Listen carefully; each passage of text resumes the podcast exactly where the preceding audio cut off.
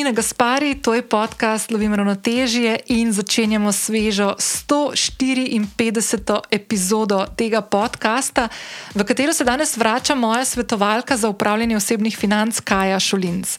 Kaja je že bila gostja v 139. epizodi tega podcasta, ki je do danes, čeprav v kratkih štirih mesecih, odkar je bila posneta, zbrala toliko poslušanj, da je pristala v petih najbolj poslušanih epizodah tega podcasta, od vseh epizod.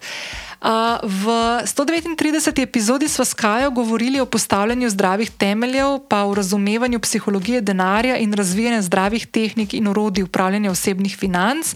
Večino časa smo v prejšnjem pogovoru namenili prvemu delu grajenja zdravih temeljev upravljanja osebnih financ in to je spremljanje stroškov. Danes pa bova govorili o drugem delu, drugem temelju in to je priprava proračuna oziroma budžeta in predvsem tudi razumevanje in spoznavanje naših prioritet, ki so nujni in potrebni del priprave budžeta. V tej epizodi govoriva o tem, kako se pripravi letni budžet in kakšno vprašanje je dobro, da si jih ob tem postavimo, kako gradimo nujni fond oziroma v angleščini emergency fund in dodatne dele za naše predvidene stroške, v angleščini temu rečemo sinking funds, naprimer božična darila, počitnice in tako naprej neke stvari, ki vsako leto pridejo in kako lahko to že vnaprej predvidimo in se na to pripravimo. Pa kaj lahko naredimo v letu 2023, da izboljšamo svoje finance. Kar nekaj časa smo namenili tudi temu, kako spremenjamo naše vzorce, navade, razumevanje in dojemanje financ, svojo miselnost do denarja. Jaz sem o teh stvarih že zelo veliko govorila, že v kar nekih epizodah, prejšnjih, preteklih, ki jih bom vse tudi polinkala v zapis epizode.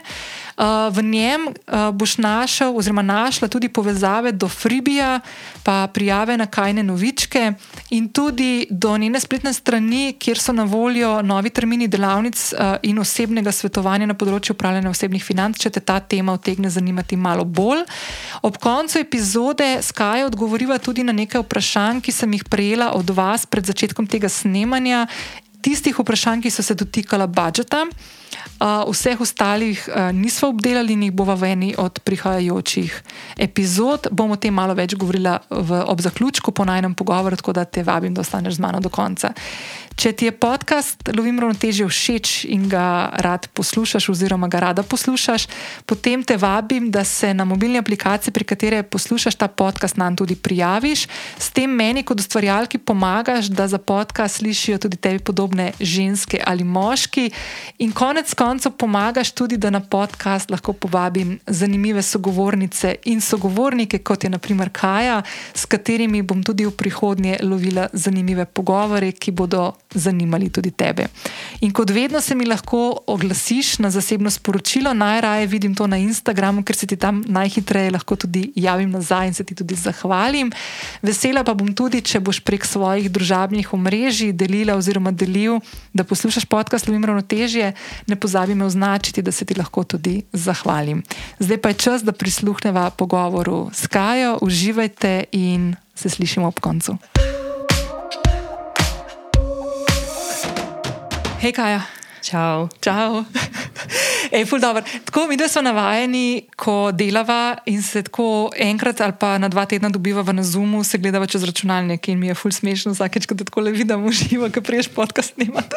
Ampak sem ful vesela, da si prišla. Uh, tako kot sem rekla v uvodu, uh, Kaja se vrača na podcast Lovim ravnotežje, tokrat drugič. Uh, za vse, ki niste poslušali najnega prvega pogovora, uh, lahko skočite na 139 epizode, polinkana tudi v uh, zapisu te epizode. Uh, v tisti epizodi, ki mimo grede lahko še to povem, da je med top petimi najbolj poslušanimi epizodi vseh časov na podkastu, uh, z razlogom, je, so govorili predvsem o psihologiji denarja. Uh, kako nam gledamo, kako imamo nezdrave vzorce. Jaz tukaj se lahko dvignem roko, vse tiste, ki me malo dalj časa poslušate, ste že slišali neštetokrat, ker sem govorila, kako v bistvu mi je mm, razmišljanje ali pa govorenje o denarju vedno predstavljalo eno tako tabu temo. Uh, Ker veliko tesnobe okrog tega se je pri meni v življenju dogajalo, in definitivno zaradi pomankanja znanja na področju upravljanja osebnih financ, o čemer bomo tudi danes govorili, nadaljevali pogovor, ker so zadnjič ostali, sem imela v bistvu tudi težave pri koncu koncev poslovnem delu, ne, pri vodenju mojega podjetja, eh, pri nekem tem postavljanju mej med podjetjem in med mano, in tako naprej.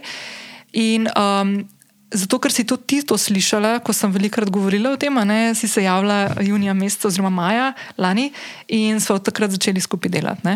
Tako da, če smo v prvi epizodi, v 139. epizodi, uh, govorili o uh, psihologiji denarja, o tem, kako postavljamo neke zdrave temelje, um, pa kako. Um, Kako prepoznamo um, in kako spremljamo svoje stroške, mogoče tam ne. Uh -huh, Bova ja. danes se premaknili v postavljanje. To smo sicer že zanj omenili, ampak zdaj bo bolj konkretno, ker so tudi mi v tem času od najmenjega prvega pogovora na mojem primeru ful veliko naredili na tem področju in to je, da bomo danes se pogovarjali o budžetu, kako postavljamo nek proračun naš no, na ravni osebnih uh, financ in tudi bomo govorili malo tudi o podjetniških uh, financah, zato ker tukaj se prepletajo tudi na mojem kajsu stvari.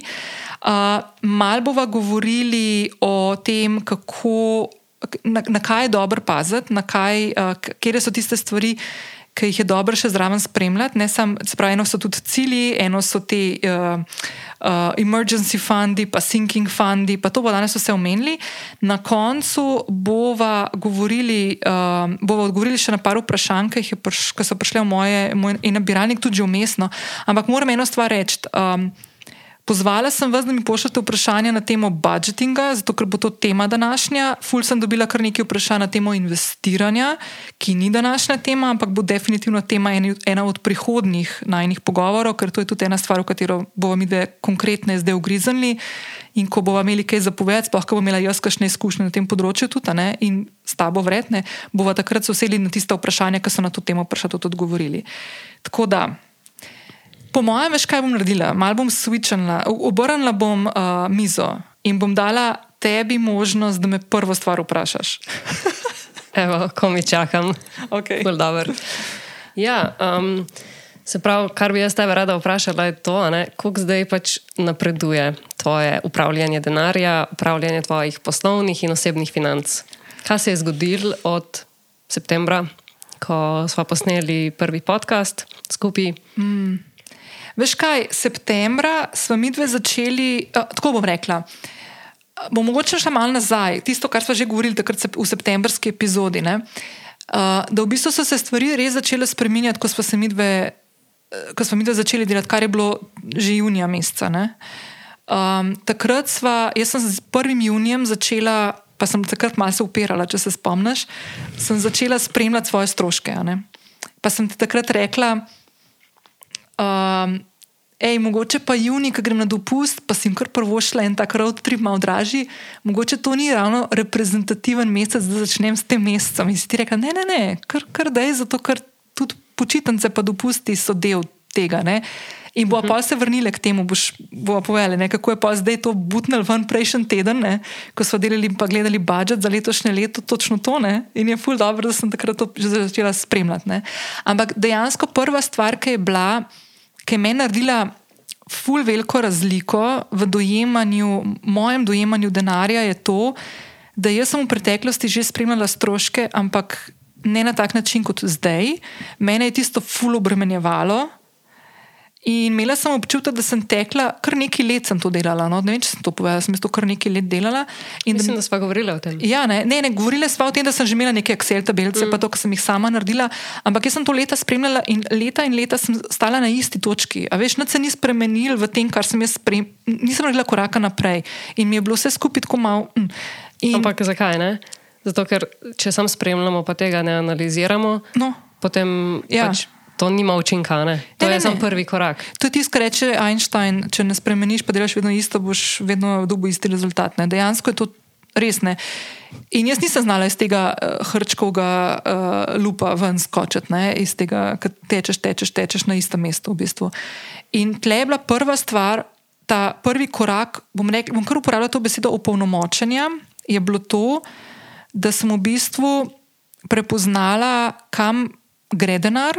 Pa še bolj pomembna stvar, mogoče, kot to je bila ta razmejitev podjetja, pa Nina.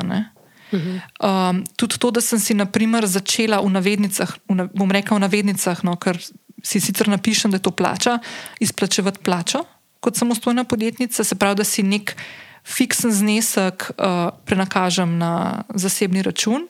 Začela sem vrčevati, to se je zgodilo, to smo že govorili tudi v tisti epizodi. To je nekaj, na kar sem jaz najbolj ponosna, pretepa, ne? Tudi, tudi jaz. Tudi jaz, ja. tudi jaz. Uh, zelo uspešna ne, pri vrčevanju. Ja, zelo, zelo, ful presenečena v bistvu, da m, lahko mi toliko stvari, toliko na koncu meseca, toliko denarja ostane, da gre lahko na vrčevalni račun. No. Tako da to sem ful presenečena. Um, ker se mi zdi, da nisem, to je ful pomembno, se mi zdi, da nisem spremenila stila življenja. A veš, življenjskega stila nisem spremenjala, tako da ne me vprašati, kaj je bilo prej. Ja, si zato, ne. Pač kaj to pomeni, da nisi spremenila življenjskega stila? Na nek način si ga, ampak uh, ven si dala tisto, kar ti ni bilo pomembno. No, tako, to, prav, se pravi, ja. pravi tisti denar, ki je prej šel, je šel za stvari, ki ti uh -huh. niso bile zares pomembne. Ja. Ker ja. pač, um, ne, ker smo malo gledali, koliko si zaslužila pretekla leta, uh -huh. mava kar dobro idejo za deset let nazaj in se vidi, ne, da pač poraba je bila visoka. Mislim, to lahko zdaj tako rečeva, da mogoče bi lahko stanovanje si že kupila na mestu, da tle le, ja, pustimo stati. Uh, Ampak bo, zdaj si začela, ne? Ja, ja, pomeni, bo prihod... zdaj bo lahko stanovanje, ne? Pač, bo, uh... bo prihodnost boljša. Ne, ampak ne, definitivno, tako da to je ena stvar.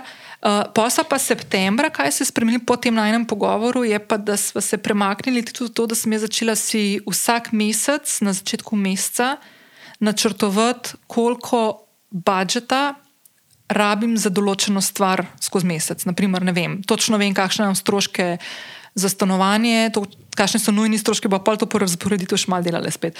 Um, ali pa, naprimer, ne vem, koliko si dam za obleke, ne, čeprav sem ene dva meseca fajn preterala tudi. Ne. Vmes. Ampak to, Ampak, to je normalno, ker ja, nisem. Ne? Kar je tu dobro, Mislim, še vedno si si spet kupila pač dosta novih oblek. Ne? To, da si privrčevala, ne pomeni, da si pač zdaj dala nič evrov za oblačila ali pa 50 ja, na ja, mesec. Ja. Pač ja.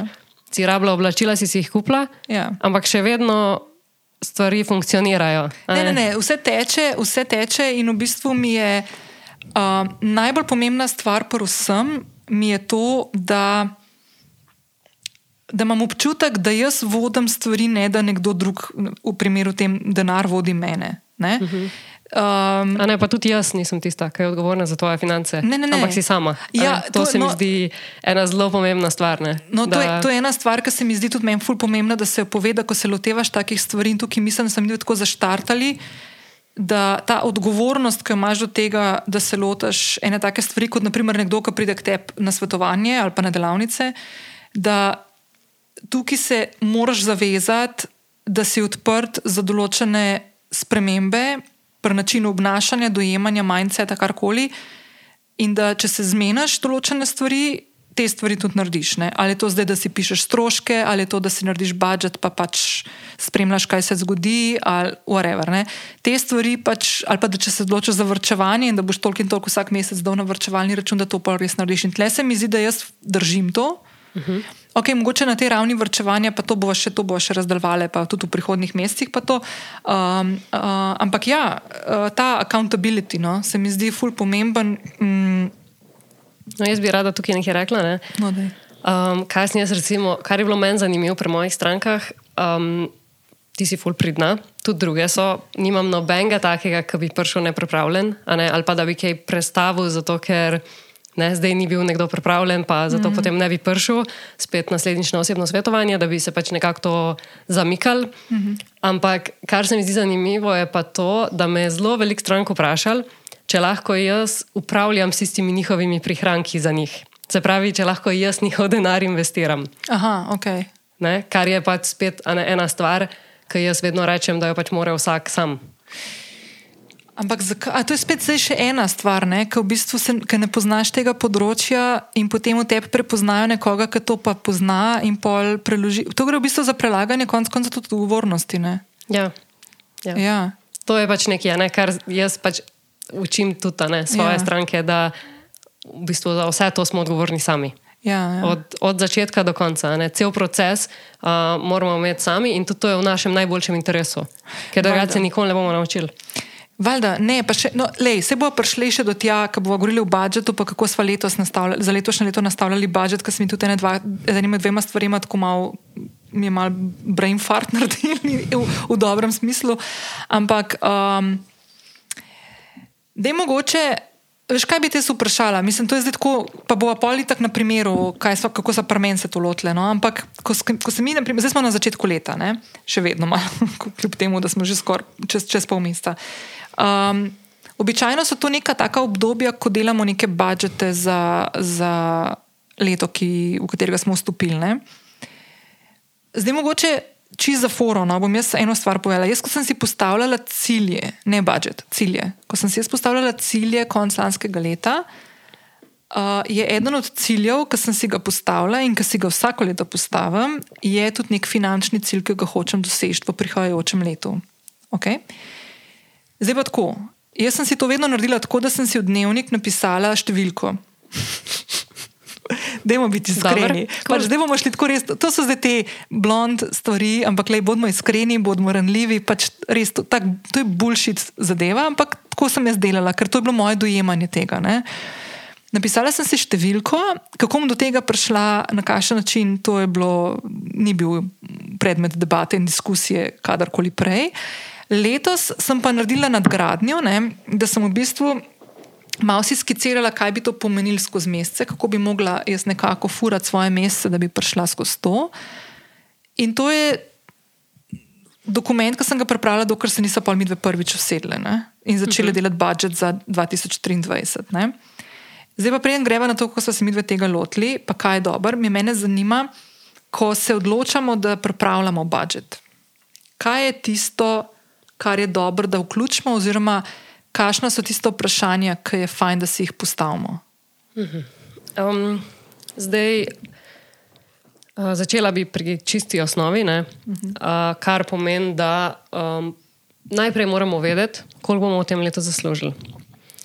Ker vse, kar potem naprej planiramo, mora izhajati iz prihodkov.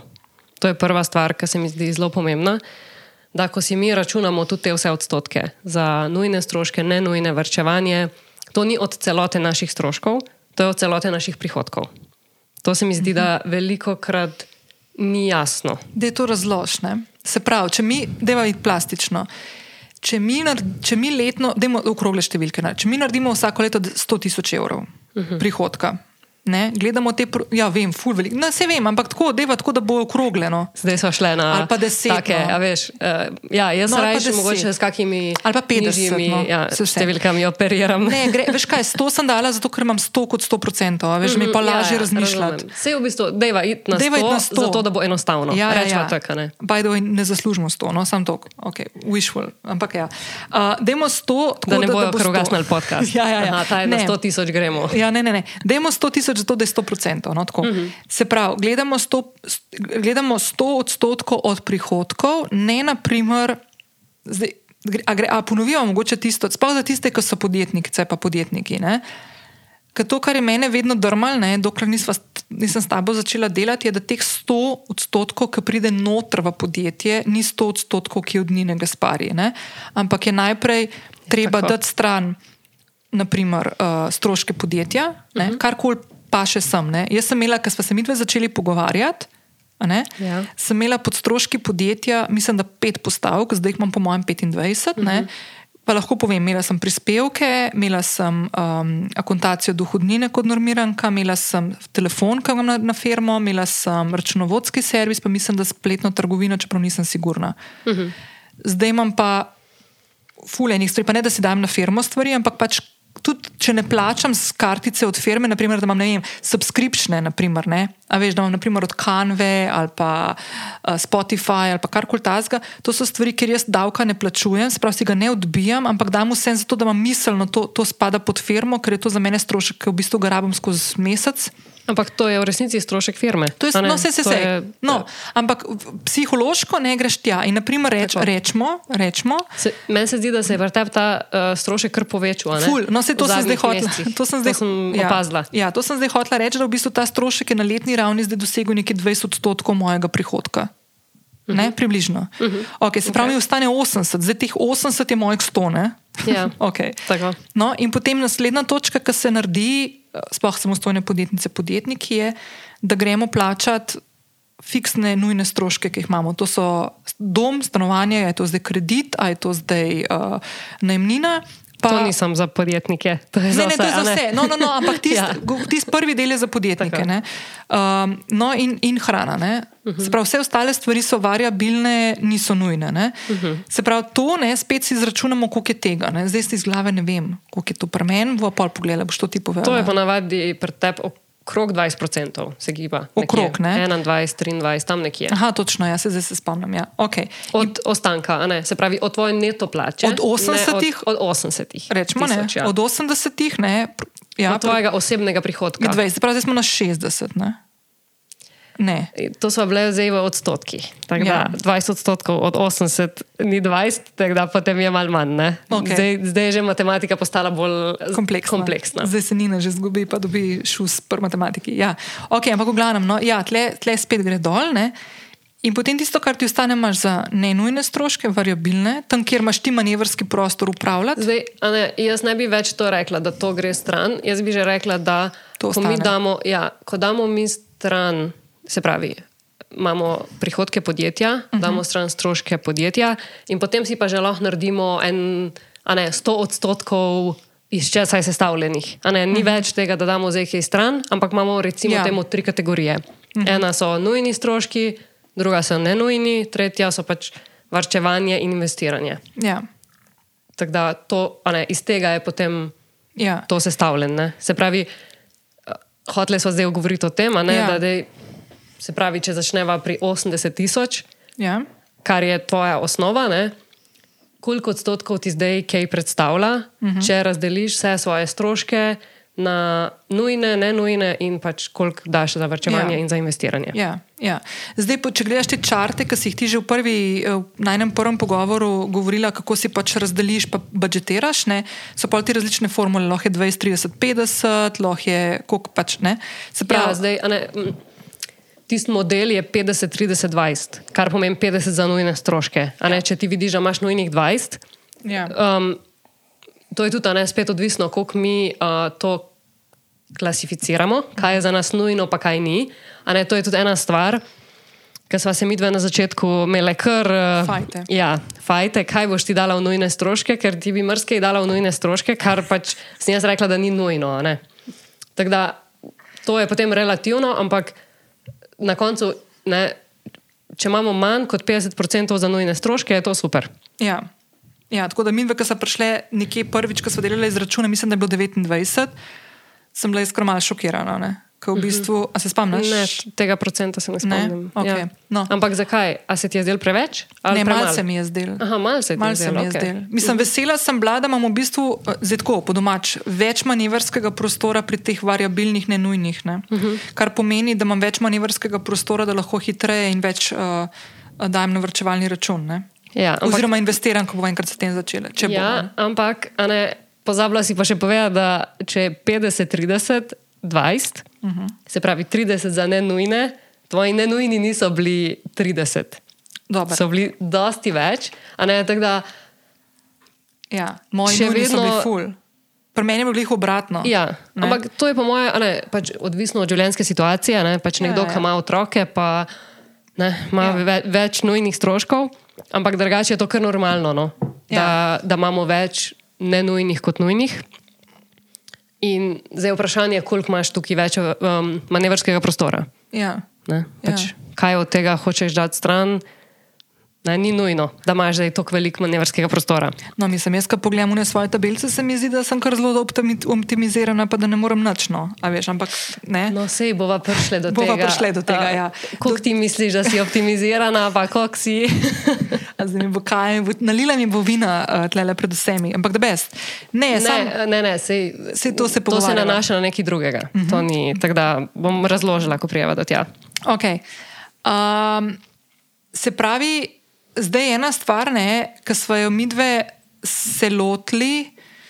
Um, hm, Deva tako reči, mogoče bi se še malo ustavila, zato ker vem, da je kar veliko tukaj samostojnih podjetnic in podjetnikov. Tudi vprašanje v bistvu je bilo eno na temo. Um, Kako upravljaš v bistvu uh, s financami, če naprimer nimaš vsak mesec A veš, kaj si ti rekel na začetku? Mi moramo najprej, ko delamo budžet, vedeti, koliko bomo zaslužili. Jaz ne vem, koliko bom zaslužil v letu 2023. Uh -huh. Ja. Marsikdo, ki ima mojo obliko zaposlitve, ali pa tudi, če imaš ti stalno zaposlitev, pa zraven še neki nek side hustle, kar koli, pa popodanski SP, ne veš, koliko bo na koncu leta pol tvoj zaslužek. Se pravi, da te uh, budžete, ki jih ti postavljaš, bo prišle pol do tega mind, mindseta, ki smo ga zdaj postavili prejšnji teden in je bil ful zanimiv in dober v bistvu. Um, Delaš na predpostavki, oziroma na nekih ciljih, ki si jih postaviš. Zdaj, mimo grede, jaz sem lahko tukaj brutalno iskrena. Ne? Ko smo mi dve začeli sodelovati, je moje leto izgledalo zelo, da bo zelo slabo leto. Ne? Leto 2022 mhm. ni izgledalo ok. Zakaj ne? Ker sem tudi vmes en kupenih sprememb naredila, na novo začela določene stvari postavljati, pozicionirati in tako naprej. Na koncu je skazal, da je bilo v bistvu uspešno leto, najbolj uspešno moje leto, tudi finančno najbolj uspešno. Ampak, naprimer, če bi jaz delala budžet za, za lansko leto na podlagi svojih pričakovanj, ki sem si jih dala v dnevnika, ne, bi falirala, itak, ker so bila nerealna. Druga stvar, če bi. Se pravi, pa... mogoče se tukaj ustavimo, ne? da smo ja. malo bolj jasni, kaj zdaj govorimo. Ja. Ti hočeš povedati, da ti si imela eh, dobre prihodke lani? Ja. pač neko rast v primerjavi s preteklim letom, ja. ampak v tvojem dnevniku je bila Ni... pa številka precej višja. Se pravi, ni, se pravi potem. Po... Povzeto, potem nisem dosegla svojega cilja, ki sem si ga zapisala, ker je bil tisti cilj, ja, tist cilj postavljen drugače, kot smo si jih za letos postavljali. Uh -huh. Bova pa povedala, kako smo se tega letos lotili. Ne? To je ena stvar. Druga stvar pa, da če, ja, se pravi, da če bi jaz, na primer, lani postavljala, prijem sem tebe spoznala svoj nek budžet, ne, bi verjetno ta budžet izgledal bistveno drugače od tega, kako se zdaj tega lotevamo, ne, dobesedno. Ne. Ja, sigurno. Ja. In še ena stvar, ki sem jo hotela zdaj omeniti. Mm, jaz tudi nimam vsak mesec enakih prihodkov. Jaz lahko zdaj povem iskreno, da smo imeli lansko leto, sem imela prvič v svoji 12-letni karieri primer, da sem prva dva meseca, oziroma ne, lažem, januarja pa marca nisem izdala nobenega računa. In sem v bistvu imela te mesece nulo in sem v navednicah živela iz svojih prihrankov, ki sem jih imela takrat. Uh, in me je resno skrbelo, kaj se bo zgodilo. Tako da jaz fully razumem uh, to dilemo nekoga, ki je na svoji samostojni podjetniški poti, ki nima mesečno nekih rednih, stabilnih prihodkov in ne ve, kako bo to izgledalo. Mogoče tukaj bomo se malo pol naslonili, no?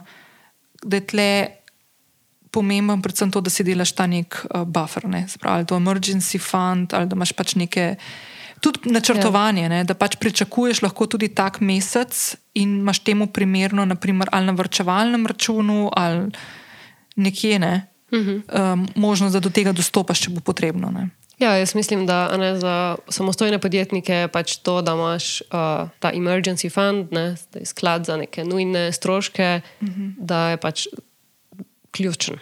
Ja. Da brez tega, mislim. Jaz mislim, da ne, če jaz tebe pogledam, ko smo začeli delati, ali pa danes, uh mhm. -huh. se mi zdi, da si pač okrog denarja tudi zaradi tega, ker imaš prihranke, ker ja. imaš ta svoj nujni fond, ja. bistveno bolj mirna. Ja, ne, tudi z, vsem, z inflacijo, z ne, ja, višanjem ja. cen, ja. pač energetike in vsega, ne, pač hrane. Ti, um, ti veš, da, ne, da boš znala to da boš znala to uravnovesiti v svojem budžetu. Ne? Poleg tega, da točno veš, kam daš svoj denar. Uh mhm. -huh. Se pravi, ne, ti lahko tudi rečeš, da ne, če te zdaj tvoji nujni stroški pridejo 100 evrov več na mesec, če smo čisto konkretni. Lahko rečeš, ok, a, zdaj tam le bom vzela 30, pa tam le 30, ja. pa tam le 40, pa sem na nuli. Ne, ja. Če se moji fiksni stroški povečajo, bom uh mhm. -huh. neke une luksuzne vzela ven uh mhm. -huh. in sem še vedno na istem lahko se odločiš, ne, meni je čisto ok, jaz bom pač dala 100 evrov več za fiksne stroške, uh -huh. moji nenujni stroški bojo pač ostali taki, kot so, in bom pač 100 evrov manj na mesec privrčevala. Uh -huh. Ampak to je odločitev zdaj. Ja. In točno veš, zakaj in koliko se to odločiš. Ja. In veš, kje lahko ta denar dobiš. Ja. Odkot ga lahko vzameš, v smislu, ja. kje lahko manj porabiš. Ja. In to se mi zdi, ne, v taki situaciji, kjer smo zdaj, res pač da, da si lahko bolj mirna. Ključno. Pa ja, še, pa da še, si lahko bolj mirna. Ja. Ne, pa še mogoče ena stvar, ne? ker jaz sem se že lotevala vrčevanja v preteklosti. Uh -huh. mm, pa mi je spodletelo vedno. Mislim, zdaj le mi zaenkrat drži, ne? se jaz upam, da bo to tako, ne vem, mogoče bo čez čas pokazal, da ne, ne. Ampak jaz lahko tako povem, da ta denar, ki si ga jaz na stran dajem, dejansko ni. Ja, je emergency fund, smo mi v tem rekli, ampak dejansko je to nek denar, ki ga dajem na stran, zato ker imam pač enega od ciljev, ki ga imam v življenju, to, da si z mojim partnerjem kupuje stanovanje, bo to ta del, ki bo pač za plačilo unofiksno. Tako da jaz si to bildam, mi smo si sicer postavili kao nek cilj, koliko naj bi bil ta emergency fund, ampak jaz, ki bom ta cilj prebila, ga bom naprej dajala tja noter v tisti buffer, ne, ne bom, mislim, v ta, v ta predal, ne, ne bom nehala, ne, ko bo enkrat dosežen, ker imam pač ta cilj in uh mhm. -huh. potem na novo graditi ali pa kakorkoli se bom pol odločila. Ampak kaj hočem še eno stvar, ki bi mogoče mal, mal, mal hodim nazaj, ker se mi zdi ful pomembna, da jaz v mestnem času, ko sem začela te spremembe delati s tabo. Ne, sem govorila kar z nekimi mojimi kolegicami, pa kolegi, ki so samostojni podjetniki, ki so tudi poslušali ta podcast, ali pa polk smo se pogovarjali, ker sem, sem jaz razlagala, kako mi je svoje izkušnje. Ne. In ena stvar, kjer se je izkazala vedno za tako tako. Um, Da, da, da ti v bistvu odpre pogled, na, da gledaš na svoje finance, na drug, kot samostojni podjetnik, podjetnica, drugače kot si prej, ali kot si bil naučen, je ta razmejitev podjetja in tebe. Uh mhm. -huh. Zakaj se zdaj vračam na to? Ne? Ker jaz sem ravno zdaj pred eno odločitvijo veliko, o kateri smo se prej malo pogovarjali in ki v bistvu nismo dali v budžet prejšnji teden, ko smo se pogovarjali, imeli smo malo v glavi, da to se zna zgoditi, ampak jaz sem zdaj tik pred tem, da bom si najela tudi pisarno. Ne? Kar je nek dodaten strošek, ki je dokaj visok, rečemo. Um, in naprimer, jaz ta strošek zdaj ne, v svoji glavi, ko si ga razložim, zakaj bom vsak mesec dala toliko, to je vem, da tako glupo poslušam, ampak lej, jaz vem, da se tako ljudje s tem ukvarjajo. Sigurno. Da, ja, ljudje se s tem ukvarjajo, a Proba, veš, če se ti, se ja, tudi ja, drugi. Probam tako v besedah, veš, tako, uh, se pravi. Jaz vem, da, bom, da, ta, da to ni v bistvu tako reka. To v bistvu je strošek, pa po drugi strani ni strošek. To je v bistvu je investicija za moje podjetje, ker vem, da moje podjetje to potrebuje za nadaljno rast. -huh. Se pravi, če jaz želim priti do tistega zneska, ki sem si ga napisala v svoj dnevnik decembra 2022, eden od korakov, ki ga bom definitivno mogla narediti, je tudi to, da se prestavim v neko. Novo okolje, ki mi bo omogočalo, da imam prostor, kamor lahko povabim sogovornike, da posnamemo podcaste in številne druge stvari, ki jih nameravam delati. Ne. Se pravi, to ja, je strošek, ampak v bistvu je investicija. In če hoče, da moje podjetje raste, se bodo temu primerno višali tudi stroški podjetja. Ne. Ja. A sem prav vesela to? Ja. In kaj, zakaj sem to zdaj omenila? Ker na podlagi tazga razumevanja in dojemanja uh, lažje sprejmeš odločitev, ki je v bistvu. Od, jaz prejšnji teden nisem spala, se sem ti rekla, ne, po noč, ker sem se ciklala v tem, v strahovih, kaj pa zdaj, kaj pa če mi se mi ne bo izšlo skozi mesec. Ne.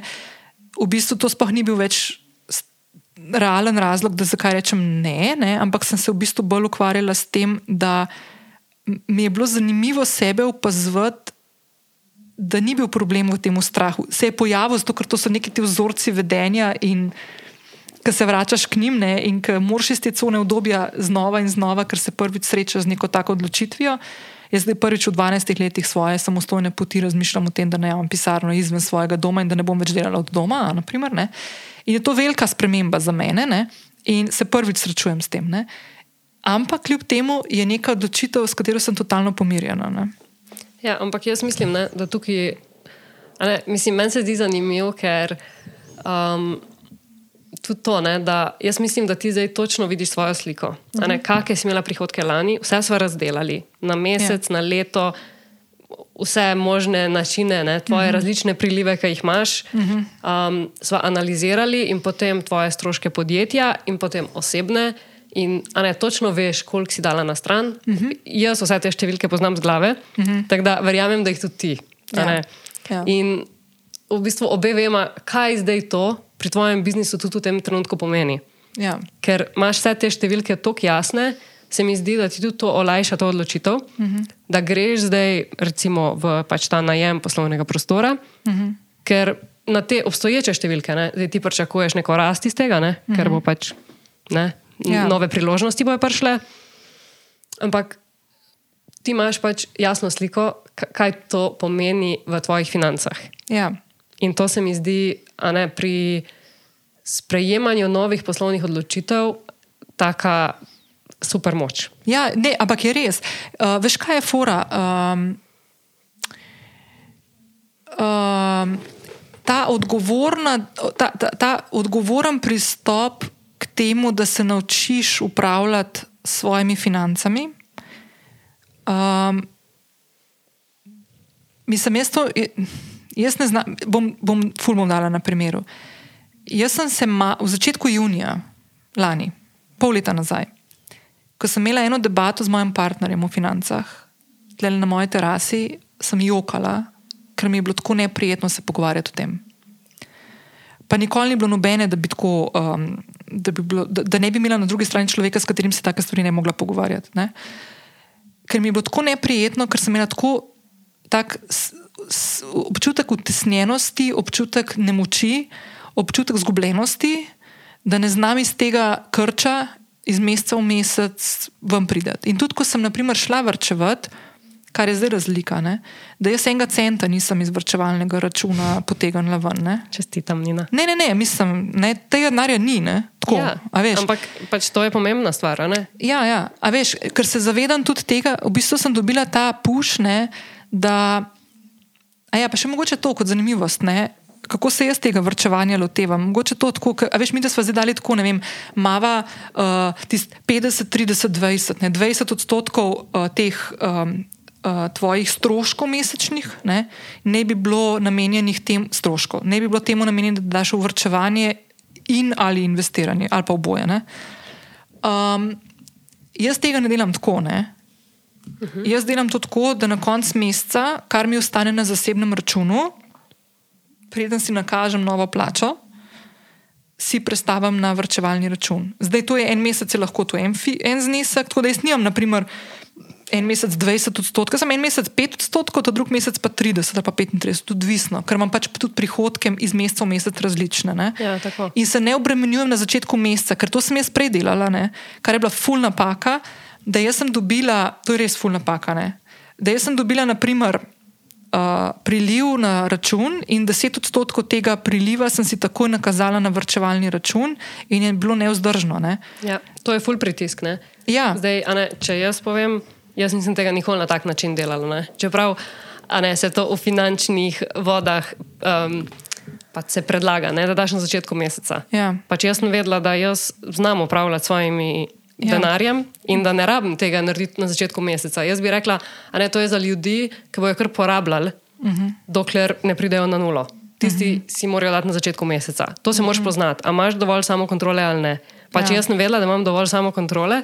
Jaz sem bila vedno, mislim, vedno. Pač bila sem zadovoljna ne, s tem, kar je pač ostalo na koncu meseca in meni je bilo to ok in sem si vedno dala na koncu. Da, uh -huh.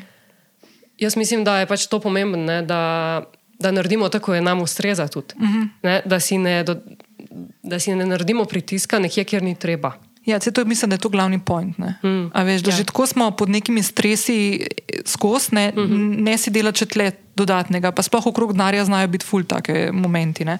Ja. Ne, to se mi zdi ful pomembna stvar, ki si jo izpostavlja in mi je v bistvu ena od stvari, ki mi je ful fajn s tabo delati, je to, da. Uh, veš, da imaš, ti, ti imaš neko znanje, pa neke modele, ki v praksi delujejo, ker si jih ti tako skozi svojo uporabo in svojo kariero spoznavala in ugotavljala na številnih enih primerih, ki si jih dela konec koncev kot, kot revizor, kaj, mm. kaj funkcionira, kaj ne, ne. Po drugi strani imaš pa tle na drugi strani človeka, ki je vsak za sebe posameznik in vsak za sebe drugač stvari fura in dojema. In Puščaš ta prostor odprt, da si narediš način, kako te psede tudi, naprimer, čisto, če greva na te razne tabelice, Excel, pa to, jaz tisto tabelico, ki sem jo imela na začetku, je danes čist druga. Mhm. Tako, če sem si jo po svoje naredila, tako kot meni sede. In ja, se mi zdi tako full fine, da ja, se jaz znotraj znajdem. Ja, ja, ja. Pač, uh, ne, to je nek template, ki ga pač daš, neka predloga, ampak uh -huh. uh, če si ga narediš sama, ne, mislim, mhm. -huh. če si ga prilagodiš, to pomeni, da si pač kar nekaj časa tam not preživel. Ja, ja. Če, da si ga res, ne, da si ga osvojila in si, si ja. ga prilagodila. Um, Drugač pa, ne, kar bi še rada rekla, um, ko si ti pač govorila o tem, da si daš to, kar imaš na koncu meseca na računu, na varčevalni, a ne pač, kot jaz tebe. Mislim, poznam prek mm -hmm. spremljanja, ker pač mi večkrat poveš, kako to delaš, pa včasih skupaj pogledamo. Mm -hmm koliko bi si zdaj ta mesec nakazala plače, ker imaš svoj sistem, ne? nimaš uh -huh. zdaj mhm. tudi vsak mesec enake plače, ne. ker je pač odvisno od prihodkov. Uh -huh. Um, in ti pogledaš, ne, koliko boš imela poslovnih stroškov, se pravi, najprej že pogledaš, koliko si boš dala plače, glede uh -huh. na tvoje pri, poslovne prihodke, pa poslovne uh -huh. stroške. Uh -huh. Potem pa cel mesec upravljaš s tem svojim denarjem uh -huh. za osebno porabo, tisto uh -huh. plačo, in potem na koncu meseca. To, kar ti ostane, spet preneseš. Uh -huh. In to se mi zdi tudi ena pomembna stvar, ne? Da ko ti o tem govoriš, v bistvu ti nimaš nekega udobnega stanja na svojem uh, osebnem računu. Kar pomeni, da ti si ne pustiš par tisoč evrov, Ja. kar tako mal, da ti tam Ja. stojijo. Ja. Ampak si jih preneseš. In, a ne, zdaj si rekla, da nisi niti centa od tam vzela, Ja. kar pomeni, da v bistvu ti noben mesec, zdaj v teh mesecih, v zadnjih mesecih, nisi noben mesec uh, presegla Ja, svojih, svojih, svojih zmožnosti. Ja, ja. Ja. Kar je v bistvu, fulavrsto zarekla, kar je v bistvu novo za me, ker jaz sem prej vedno živela nad svojimi zmožnostmi. Ker, naprimer, une tabelece pred leti, ki sem jih omenila, jaz sem jih vedno zaključila v minusu, sam to, uh -huh. zdaj jih pa v bistvu ne. ne? Uh -huh. Ja, mislim, ne, zdaj, če pogledamo nazaj, um, pač eh, to, da smo že se zadnjič na podkastu pogovarjali, da si že imela enkrat prihranke, se pravi, ne, jaz pravim, da, mm, da če ti živiš v skladu s svojimi zmožnostmi, uh -huh. kar si zdaj ti omenila, da ti po definiciji ostaja denar. Uh -huh. Zato, ker ne, to to pomeni. Se pravi, če ti dobiš 1000 evrov na mesec, uh -huh. to, da živiš v skladu s svojimi zmožnostmi, je, da ne porabiš več kot 800 ali pa 900. Ne? Da Ja. ti vse nekaj ostane Ja. pač to je za mene v skladu s svojimi zmožnostmi. Niti tisoč zaslužim, tisoč porabim, to za mene pomeni, da ti pač ne živiš v skladu s svojimi zmožnostmi. Uh -huh. ne, tukaj zdaj spet seveda govoriva o mesecih, kjer ni dopusta, ker pač lahko si ti uh -huh. za dopust planiraš vsak mesec, do tega še prideva. Prideva še, ja. Ampak govorimo o nekih standardnih mesecih. Mm -hmm. Ali pa ko imamo zavarovanje za avto, če ga naenkrat plačamo, ne, to je lahko ne vem, 1000 evrov, 500 evrov, 300 mm -hmm. evrov, ne, odvisno. Pač lahko, da tisti mesec enostavno smo nekako v narekovajih v minusu. Mm -hmm. Ampak govorimo o nekih normalnih zadevah. Ne. Mm -hmm. Tako da zdaj na splošno ne, ne bi rekla, da si zdaj ti živela prek svojih zmožnosti. Ker nisi pa zdaj jemala potrošniških kreditov, Aha, da bi sama. Ne? Ampak ja, ok, vseeno, če pač pravim, da ti mora vseeno malo ostati, to večinoma ne ni bilo. Ker tudi takrat, ko si si zgradila tist, si mm -hmm. pol mi povedala, kakšni so bili razlogi, da si pač to porabila. ne. Ja, ja, ja. Ja. Razlogi so bili, da sem živela prek svojih zmožnosti. Ja. Ja. Um, ja. Uh, le bi mogoče res še enkrat sam izpostavila to, kar se mi zdi ful pomembno. No, da, um, da jaz občutka zadnjih par mesecev neke te. Da bi me ful bremenil to, da naprimer, jaz še vedno spremljam stroške. Jaz mogoče, veš, mi da smo se nekaj tudi celo pogovarjali, da je popravme, če se bočem za neko bulčko rekla, ampak da mogoče s časom ne bo treba tako uh, detaljno spremljati stroške. Ne? Mhm. Ne, to smo se To pogovarjali. smo se, a ne. Ja. Ampak jaz to bi še nadaljevala. Uh -huh. Mal zato, ker mi je to prišlo v rutino, mal pa zato, ker v bistvu imam občutek, da uh, mi koristi to, da, da imam ta nek big picture, pa da vem, kaj se dogaja. Ker jaz nimam, veš, jaz nimam tega občutka, da vsakeč, ko si neko stvar zapišem, pa zabeležem, da bi to z neko. Z, nek, z neko težo na rama, ramenih to naredila, tako kot sem uh -huh. včasih imela ta občutek, nek rekel, fuck, spet nekaj. Ja. A veš? Um, zdaj, no, tukaj bi rekla, mm, jaz mislim, da je vseeno. Jaz sem pristašica tega, da se to skozi spremlja. Ne? Mhm. ne, da se to neha, ampak bolj v smislu, ti imaš zdaj res detajlen budžet po Mhm. kategorijah.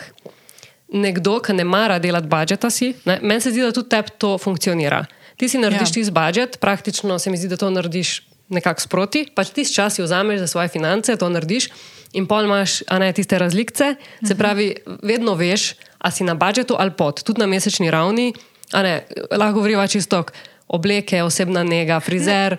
a Ne, Ja, ja, to ja. vse veš, kje si, ne? veš, koliko si si dala za ta mesec in veš, koliko si porabila, in pol tam vidiš tiste razlike in pač ti. Ful si vedno na budžetu, praktično, bila zdaj te mesece od septembra, odkar smo to delali. Ja, ja. In se mi zdi, da to za tebe funkcionira. Ampak jaz imam stranke, ki nočejo narediti budžeta, ker pač, ko pridemo do budžeta, jim niso happy s tem. Okay. In potem obstaja krajša verzija budžeta. Tako da bolj v tem smislu, če ti nočeš delati budžeta, a ne se smo se Aha. o tem pogovarjali, ampak jaz, jaz bi vseeno rada ohranila, pač, da ljudje Ja. ohranijo spremljanje stroškov pa prihodkov, ker mm -hmm. tako pač veš, kam gre tvoj denar, ampak mogoče potem ta korak budžeta se lahko enkrat mm -hmm. ne, pač mm -hmm. eliminira. Je pač spet odvisno od posameznika. Ne? Tako mm -hmm. smo se pogovarjali. Zelo je odvisno, kaj komu ustreza, in jaz pač nočem zdaj ljudem govoriti, da morajo vsak mesec narediti budžet, zato ker Ja, ne, ja, ja. pač je Ja. to meni všeč. To Ne, nima ne, ne. nobenega smisla. Ne? Ampak imam pa vprašanje, ne, Okay. ki je, um, koliko tebi zapisovanje stroškov vzame časa?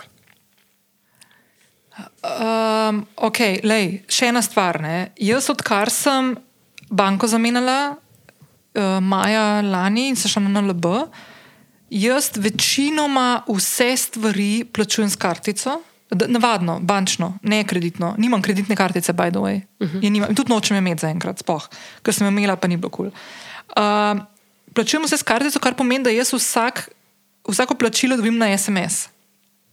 Okay. Uh -huh. In jaz, ker delam od doma in običajno, ko gremo v trgovino, skočim v trgovino dol pod blok in pridem gor, se usedem za računalnik in prva stvar, kar naredim, je, da imam skozi odprt ta Excel. In si notro kucam uno, kar imam, ali pa na koncu dneva, ali pa na koncu vikenda. Ne, zdaj, naprimer, za vikend sva šla z Mihatom na, na, za vikend v, uh, pač v Rovin. In ko sem prišla domov v nedeljo zvečer, sem se usedla z računalnikom in šla pogledat, kaj sem plačevala s kartico. In sem unesla noter in primer tle sem dala vse pod izlete oziroma potovanja. Ne. Nisem šla delati, ne vem, sem šla v trgovino pa dala 2 evra pa neki. Ne, sem dala to pač, to je bil budžet za vikend. Ne. Se to bi naj bilo. No? No, ampak, naprimer, sem pa šla danes, preden si ti prišla, ne le zdaj psihopatka, le zdaj. Sem šla v DM, mi imamo postavko hrana in imamo postavko DM ne hrana, sprav vse čistila, whatever, ne, zobne ščetke to. To imaš ti, ne? To imava mi To imam dve. jaz, midve, ja, midve, jaz Midve, imam to, midve v ja. najinem skupnem- Ne, to- v najinem skupnem gospodinstvu. Ja. Ne, ne, to imam jaz. Ja. No, in, uh, in sem naprimer, šla in sem kupila v DM-u, naprimer, uh, valjda enkrat plačala, ne, da ne bomo mislili, da zdaj dvakrat plačujem, še ta, še ta udarc. Ne, sem plačala in bilo, naprimer, nekaj sem kupila mleko za kavo, pol ostalo je bilo pa ne vem, šampon, pa ne vem, whatever. In ko sem prišla gor, zdaj sem se že navadila, da je ne rabim računati, ne po računu, ki ga pogledam, kam bom kaj vnesla. ne. Ja, res. In zdaj pogledam davčno stopno. Ne? In ono, kar je 9,5, vem, da je hrana, in fliknem gor v, v hrano, in ono, kar ostane, je DM ne hrana.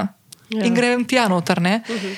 Tako da, ja, to grem v te detajle, zato ker jaz, ko se nekaj odločam. Jaz sem pol picajzlasta, ker sem taka, jaz sem pol natančna, hočem, da so stvari do decimalke pravilno postavljene, če živčno raten, če niso, to kaj je. ve.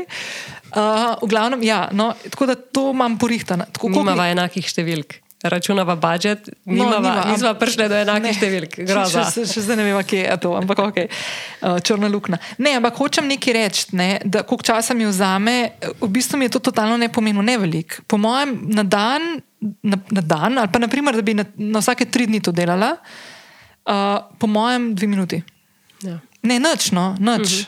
Um, To smo hotela slišati, pa ko rečeš, jaz Excel skozi odprta. Ne? ja, ja, ja. To je pač tudi uh, rada slišim. Mislim, rada slišim. Ja. Pač ti je pomembno. No? ja. To ti je pomembno, to se mi zdi glavna stvar tukaj. No. Ne, ful mi je pomembno. Resno pa... si vzela in zato imaš rezultate. Ja, ne, uh, ful mi je pomembno, absolutno. Ful mi je pomembno, pa predvsem to, da um, ko se odločiš za neko tako stvar, a veš, tle, tle gre za, mislim, da moramo biti iskreni, ne, tle gre za spreminjanje vzorcev obnašanja, tle gre za spreminjanje miselnosti. Ja. In to so stvari, ki če hočeš tega se lotiti, se moraš olin, ker ja. ne moreš polovično. Ne? Ja. In jaz še danes, naprimer, se vračam v neke strahove okrog denarja in slabega odnosa z denarjem. In se zavestno moram pripeljati nazaj v, nova, v neke nove navade, novo mišljenje in razmišljanje, ki se mi v bistvu odpira zadnje mesece. Vsakič znova. Ne? Od omejitvenih prepričanj do, naprimer, primer. Ne? En tak lep primer je bil ta prejšnji teden, ko se mi je pokazala ta priložnost za ta prostor poslovni. Ne? Ena prva stvar, ki se mi je v bistvu pripeljala, nek ta strah pred. Um, to je fulj zanimivo, da se mi da z Mihatom doskrat pogovarjava, ker mi dva prihajava iz čist različnih okolij in, in, in otroštva. Ne. Jaz sem živela v srečni družini, ki mi nikoli ni manjkalo, čeprav ne, da zdaj bi pa razsipno živela. Ne. Ampak polno rit vsega po domač, Miha naprimer, je iz, iz pomankanja. ne. Imava pa ful podobne strahove. Ne. da nek, nekoč ne, ne bova imela. Ne? A Veš, Ampak bo, to, to je pač strah, ki je prisoten pri vseh. ne? no, no, no, no, no. Mislim, imaš milijonarje, ki se obnašajo, kot da nimajo denarja ja. iz tega strahu. Ja, ja, se st- strinjam. Ja, to, a, a veš, ampak jaz nimam, stra- jaz nimam strah, da bom šla v nekam, ker ne bom imela nič, to, kar ima Miha, ker pač ima to iz svoje, iz prve roke izkušnjo. Um, mene potegne noter v to, da si ne upam, da si ne drznem, da naprimer stara Nina, ki bi zdaj dobila to priložnost, bi rekla: ne, ne, ne, ne, ne, ne nisem sigurna, zato ker nimam še une pogodbe podpisane, pa unga projekta potrjenega, pa unga. Ne, zdaj bom rekla: ne, moram iti, zato ker vem, da mi bo to, to, to, to, to, to, to, to in če hočem po svoji poti hoditi naprej, bom to naredila. In ja, riskirala bom in riskiram bistveno bolj, ampak imam občutek, da ne riskiram. Jaz imam občutek, da to zelo odgovorno delam. Uh -huh. In to je tudi zaradi tega, kar mi dve delava, predvsem zaradi tega. Ja, jaz Ker mislim, vem, da tudi ti ne. dejansko to delaš odgovorno. Uh -huh. pač zato, ker zdaj veš, kje si, zato je to še toliko bolj odgovorno. Je pa še ena stvar, ne, da pač um, mi podcenjujemo vpliv psihologije uh -huh. na denar in nekako precenjujemo vpliv številk. Uh -huh. ne, pač v bistvu, jaz zato to rada pač vedno govorimo o psihologiji denarja. Ne, uh, zato, ker ker je to tako neracionalno, ker mi mislimo, da ja, okay, sam tam ena plus ena je dva in to, -hmm. pač to je nekaj, ne, kar šteje, ampak naše odločitve, v bistvu mi sprejmemo odločitve na podlagi čisto enih drugih stvari. Mm -hmm. ne, na podlagi psihologije in ne na podlagi številk, zelo velikrat. Ne razumsko, ampak čustveno. Ne? Ja. Ja. In ne, tudi pač ti zdaj s tem, ko se pač aktivno ukvarjaš z denarjem, tudi se ukvarjaš aktivno s psihologijo denarja uh -huh. ne, na pač tedenski bazi in tudi vidiš, kaj te ustavlja. Ne, ker, uh -huh. ok, nimaš še te pa te pogodbe, ampak že vemo, ne. Pač na, na, na nek način nekaj že vemo o tvojem prihodnjem letu, o tvojih prihodkih. Uh -huh. Že veš, ampak si še vseeno nisi spala, kljub temu, da poznaš številke, pač kako se to reče. Ne? V trenutku jih, veš jih, ne, vse svoje številke poznaš. Uh -huh. In veš, da ok, nič ni garantiran, si pač podjetnica. A ne, nikoli ne veš, kaj se zgodi, je pač nekako nepredvidljivo okolje, ampak že na to sliko, ki si jo imela lani, mm. lahko imaš ta strošek. Ja.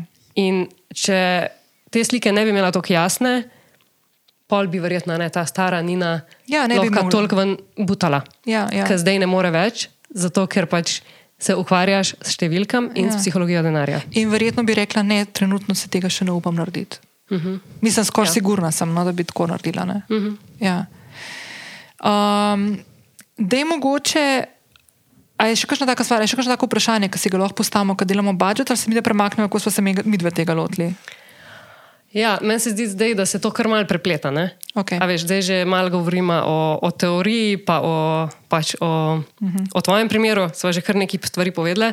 Tako da jaz mislim, da je najbolj, da pač kar na tak način nadaljujeva. ne. Okej. A, Se pravi, da povemo mogoče kaj v teoriji. Pa tu zraven že kar primer. Jaz bi kar to povezala. Okej. Ker zdaj smo nekako obdelali te prihodke. Aha. Uh, se pravi, mogoče kar je še pri prihodkih zapovedati, je to, ne, da okay, če se vrnemo na tiste, ki imajo plačo, uh -huh. je to, kakšne bomo imeli letne prihodke, enostavneje, a ne, ker Ja. imamo plačo, imamo vem, malico, prevoz na delo. Uh -huh. Kar jaz rada vedno povem, je, da ne smemo pozabiti, da imamo še kakšne dodatne prihodke, kar pomeni, da dobimo še enkrat regres, pa dobimo božičnico, pa uh -huh. vem, lahko imamo kakšno olajšavo za otroke. Uh -huh. um, karkoli, ne, še pride, lahko tudi dobimo nazaj uh, dohodnino in to je vse treba ušteti v, V prihodek.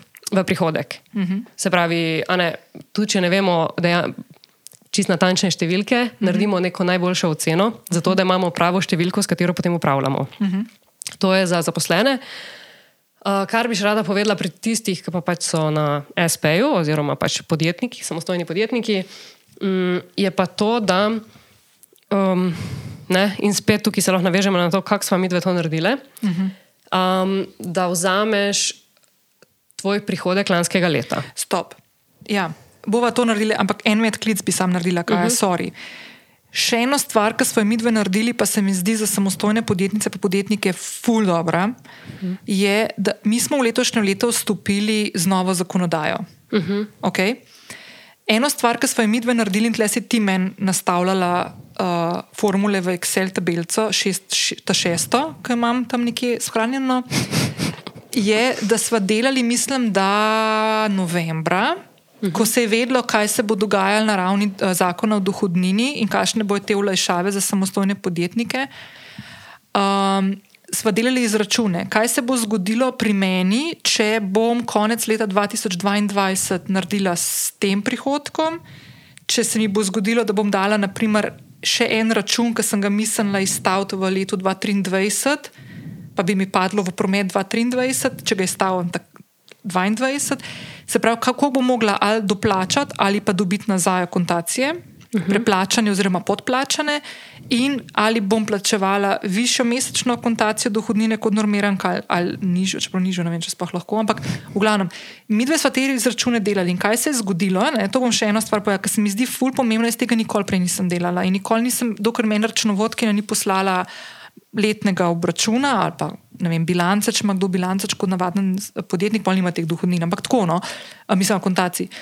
Um, tudi ta korak je bil meni ful pomemben, zato ker se je zgodil naslednja. Ne. Konc lanskega leta, decembra, si bila ti na dopustu, nismo imeli teh tedenskih srečanj in tako naprej. In jaz sem. Se ne da drugače odločitve ne sprejmem, če se ne posvetujem s tabo, ne? da ne bo to tako zdaj izgledalo, ampak veliko se tako pogovarjava. Ampak jaz sem določene odločitve sprejemala tudi zato, ker sem imela ta pregled, kaj se bo zgodilo in da znam tudi načrtovati te stroške. Ker jaz sem se odločila, da bom določene račune vseeno dala za lansko leto, zato so bile tudi lani storitve izvedene. Ne, uh, ne bom jih predstavljala, kar pomeni, da bom verjetno določene stvari mogla plačati, tudi DDV, predem dobila priliv noter, se pravi, sem mogla to načrtovati. Videla sem, da bom s tem presegla rast ki sem jo načrtovala, kar pomeni, da bom imela više stroške za kontacijo plačati, više stroške za vsak mesec v letošnjem letu plačati in tako naprej. Kaj pomeni to? Ne? Te stvari sem že vnaprej pričakovala in jih dala noter v budžet, ker smo se začeli s tem ukvarjati zdaj prejšnji teden za budžet za leto 2023. Še to, to, to sem hotela. Izpostaviti, no, zato da imaš občutek, da se v vsakem trenutku zavedaš, kje se nahajaš. Ker se mi zdi, da ena stvar, ne se mi zdi. Sem že večkrat omenila in se posila, posula s pepelom. Jaz sem bila verjetno zelo podobna marsikomu, ki to zdaj posluša, zelo neodgovorna, samostojna podjetnica, ki ni vedela, kako te stvari preračuna, kako te stvari razumeš, kako lahko skozi spremljaš, kje se nahajaš na neki tej lestvici, da veš, kaj te čaka čez mesec, dva, tri, naslednji let, vse vse. In da tudi potem, ko se zgodijo take spremembe, kot se dogajajo zdaj, ko so spremembe točno za normirance in bodo v bistvu zelo posegle v naše delovanje, zdaj dobro ali slabo bomo videli, ne, uh, da si na take stvari pripravljen. In da se ne zanašaš na nekoga tretjega. To v mojem primeru je to računovodkinja, um, ker sem v bistvu imela tudi težave, no, ker določene stvari, ki jih nisem vedela, nisem mogla tudi spremljati, če je bila odločitev moja računovodkinja prava. Naprimer, Čeprav, veš, se mi zdijo take stvari, da odgovoren, odgovoren samostojni podjetnik ali pa podjetnica je, če imaš vsaj približno malo znanja oziroma upogleda v to, da tudi sam kakšno stvar pogledaš in preveriš. No? In se mi zdi to ful pomembno. Joj, to si zdaj povedala nekaj, kar, um, kar sem jaz videla zdaj res na kar nekaj primerih. Ne? Tvoj primer je še super v primerjavi s tem, um, kakšne odločitve so bile sprejete ali od strani samostojnih podjetnikov ali njihovih računovodij, mm -hmm. ki so jih stale, da jim rečem. Samostojne podjetnike so lahko te stvari stale tudi več kot 10.000 evrov na leto, uh mhm. -huh. neka napaka, uh mhm. -huh. ker Ne, pač računovodski servis ima toliko in toliko strank, ja. ti z njimi nisi uh mhm. -huh. vsakodnevno ali pa tedensko na vezi. Ne? Dvakrat na mesec. Ja, dvakrat na mesec, pa takrat, ne vem, kaj takrat vprašaš, pa kako razumeš. Uh mhm. -huh. to, čim manj se hočeš s tem ukvarjati, zato ker o denarju se nočeš pogovarjati. Ja. To, a veš, ja. Ampak, ja. ne, če pogledava, tudi uh, tista oseba tam ni tam zato, da ti bo naredila tak izračun, kot sem ti ga jaz, uh -huh. ker sva se usedle, pa si ti, mislim ker sem jaz delila moj ekran, pa uh -huh. sem mhm. naredila tabelico, pa smo iz nule vse skupaj postavili. Ja. To je pač, ne vem, mogoče nam je vzelo eno uro. Uh mhm. -huh. Da smo obe skupaj to gledali, da smo uh. -huh. naredili. Mislim, jaz bom povedala iskreno, v petih minutah sem naslednji stranki izračunala, koliko bo mogla plačati. Ja. Dohodnine in koliko bo mogla, pač, koliko bo mogla doplačati ja. za 2022 na podlagi prometa, ki mi ga je povedala. Uh -huh. in koliko bo nova Koliko se bo zvišal strošek? dohodnine Ja. za celo leto. Ja. In je pač v petih minutah z mano na klicu Ja. ta druga stranka zvedla te številke, ki bi Ja. jih na računovodkinjo čakala do februarja ali pa marca. Ja. Ne, in je bilo to, ne vem, decembra ali je bilo to prejšnji teden. Ja. Ampak jaz sem uporabljala isto, kar smo mi dve naredile, a ne?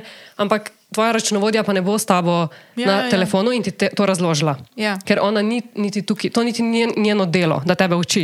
Lej, se Ampak strinjam. kar sem hodila reči, je to, da sem videla res več primerov, ko zaradi nepoznavanja teh stvari ljudje veliko pač denarja porabijo. Uh Mhm. -huh. In pol, to so potem ljudje, ki pridejo k meni, uh Mhm. -huh. ki rečejo, sej na koncu sem pa zdaj do tebe prišla. Zato, ker sem imela uh -huh. to in to, napa pač, Mhm. Ja. ne, to napako, in sem, sem se iz tega, ker sem toliko denarja dala, uh Mhm. -huh. naučila, da se rabim finančno opolnomočiti. Ja. Se pravi, a res rabimo uh Mhm. -huh. 10-15 tisoč evrov vržiti stran, Mhm. da ugotovimo, da se rabimo teh stvari naučiti. Lej, jaz se to strinjam. Jaz sem mogla, se to bomo zdaj malo ponovili, mislim, da sem jaz o tem že govorila. No. Uh, pa mislim, da v tisti epizodi uh, postavljanje ciljev. Nisem pa zihar, ampak mislim, da ja. Jaz sem lansko leto, po mojem, glih februarja, prej sem rekla, da januarja pa marca nisem nobenega računa izdala in sem bila full Full živčna. In v tistem obdobju sem se jaz odločila delati novo spletno stran. In zato, ker sem se odločila delati novo spletno stran, sem šla malo v drobovje gledati, ko sem postavljala spletno trgovino in svoje izdelke, gor novo platformo in tako naprej. Mojca mi je pomagala, Maršne, najna prijateljica. In ko sem jaz pri njej videla, kakšen ima DDV za, njen, za knjige, ki jih prodajajo v trgovini, in jaz sem tudi imela knjige, oziroma e-knjige, in sem ugotovila, da jaz zaračunavam 22-odstotni davek na mest 5-odstotni davek, sem ugotovila, da sem v času, odkar imam svojo spletno trgovino in odkar sem davčna zavezanga, to je bilo dve leti, skoraj, sem mislim, da v tej državi preplačala nekaj jurjev preveč. Ja, se spomnim. Ne? In tukaj se je meni, na primer, zgodil um, v tistem času, ko računa nisem izdala, ker sem si mislila, čak malo, samo malo, kaj. Um, takrat se je meni v bistvu zgodil ta switch, ne, uh -huh. da prekleto, ne, to, kar si že 12 let govorim, da moraš začeti se učiti, pa malo finančno opismeniti uh -huh. in na svojem osebnem delu, in predvsem tudi na poslovnem, kaj se dogaja. Ker jaz sem. Jaz nisem krivila svoje računovodkinje za to. Mislim, deloma ja, ker pač jo imam za to, da mi take stvari ja, preveri. No, mislim, to je kar. Ja, ne, vem, ampak načeloma sem jaz tista, ki sem odgovorna za svoje poslovanje, tudi in te stvari bi mogla tudi jaz preverjati, pa nisem ti pomislila na to, čisto iskreno. Uh Mhm. -huh. In, naprimer, to je konkretno, jaz nisem na koncu leta dobila račun za par, par jurjev, ampak sem dejansko manj zaslužila, zato ker sem tok pa tok preplačala državi in jaz tega denarja ne bom dobila nikoli nazaj. Uh -huh. Mislim, a veš. Ja. In tukaj iz tega, to bi meni mogoče mal ta prvi puš, ko sem začela res delati pol te spremembe. In zakaj sem omenila tudi ta, kako bo, veš, da si preračunaš dohodnino, da si preračunaš, koliko te bo to stal, aha, ta zakon bo tak pa tak, se pravi, kaj, kaj lahko pričakujem v naslednjem obdobju. Ne? Uh -huh. Čeprav še noben zdaj čist dobro ne ve, kako bo to izgledalo, ampak ne glede na to. Ne. In se mi zdijo take stvari ful pomembne in, in naravni, sploh zdaj, ko se predstavlja v to, da greva delati budžet, kako smo se mi velotili mojega budžeta ne, za to leto, za leto 2023, se mi zdi tudi ta del ful pomemben, ta korak vmes. Uh -huh. Ja. Pa Se se pa hotla nekaj vprašati. Ja. Um, ne, hotela sem reči, um, ne, kaj sva, se pravi, ko sva šle tvoje prihodke računati. Ne? No, to je zdaj tako ful ta mind, mindfuck. Ne? To je v bistvu, tole, prosim, če kaj poslušate v današnji epizodi, poslušajte tole zdaj, ker to je ful, ful pomembna stvar, če hočeš imeti zdrav odnos z denarjem. Ja, se pravi, mi dve smo začeli pripravljati tvoj budžet, uh -huh. ne, kot samostojna podjetnica. Veš, a ne, na, kaj, se pravi, mogoče še to, kaj smo naredili najprej, da smo imeli sliko, preden smo šli na budžet, je, da um, lahko prijem nazaj na tisto ne, tvoje potovanje poleti, ki si prej opisovala, koliko nisi hodila takrat začeti stroškov opisati. Se pravi, mi dve smo naredili tvoj um, pregled leta 2022 od junija naprej. Ampak to je bila dovolj uh, dobra osnova uh -huh. teh sedem mesecev, uh -huh. brez januar do maj, -huh. zato ker si ti mesece, ki so bili izven serijski, polovila. Uh -huh. ne, sem imela zadnjič eno stranko, ki mi je povedala, sem novembra pisala stroške, uh, decembra pa, ker je veseli decembr, ne, pa mi stvari niso bile všeč, pa jih nisem. Ne? In Ja, sem rekla, ja. pač drugo leto bo tudi prišel decembr. Ja. In zato bi bilo dobro vedeti, koliko je bilo decembra. Ne? Ja. Um, in to je spet psihologija denarja. ne. Pač takrat, ko preveč zapravim, ne, če si pač kupim pač, vem, nov plašč ali pa. Ne, Če grem Hani Roš, bi rekla Nina, um, ne, to Ja. ja. potem ne dam v, pač Ja. ja. ne napišem stroškov. Ne.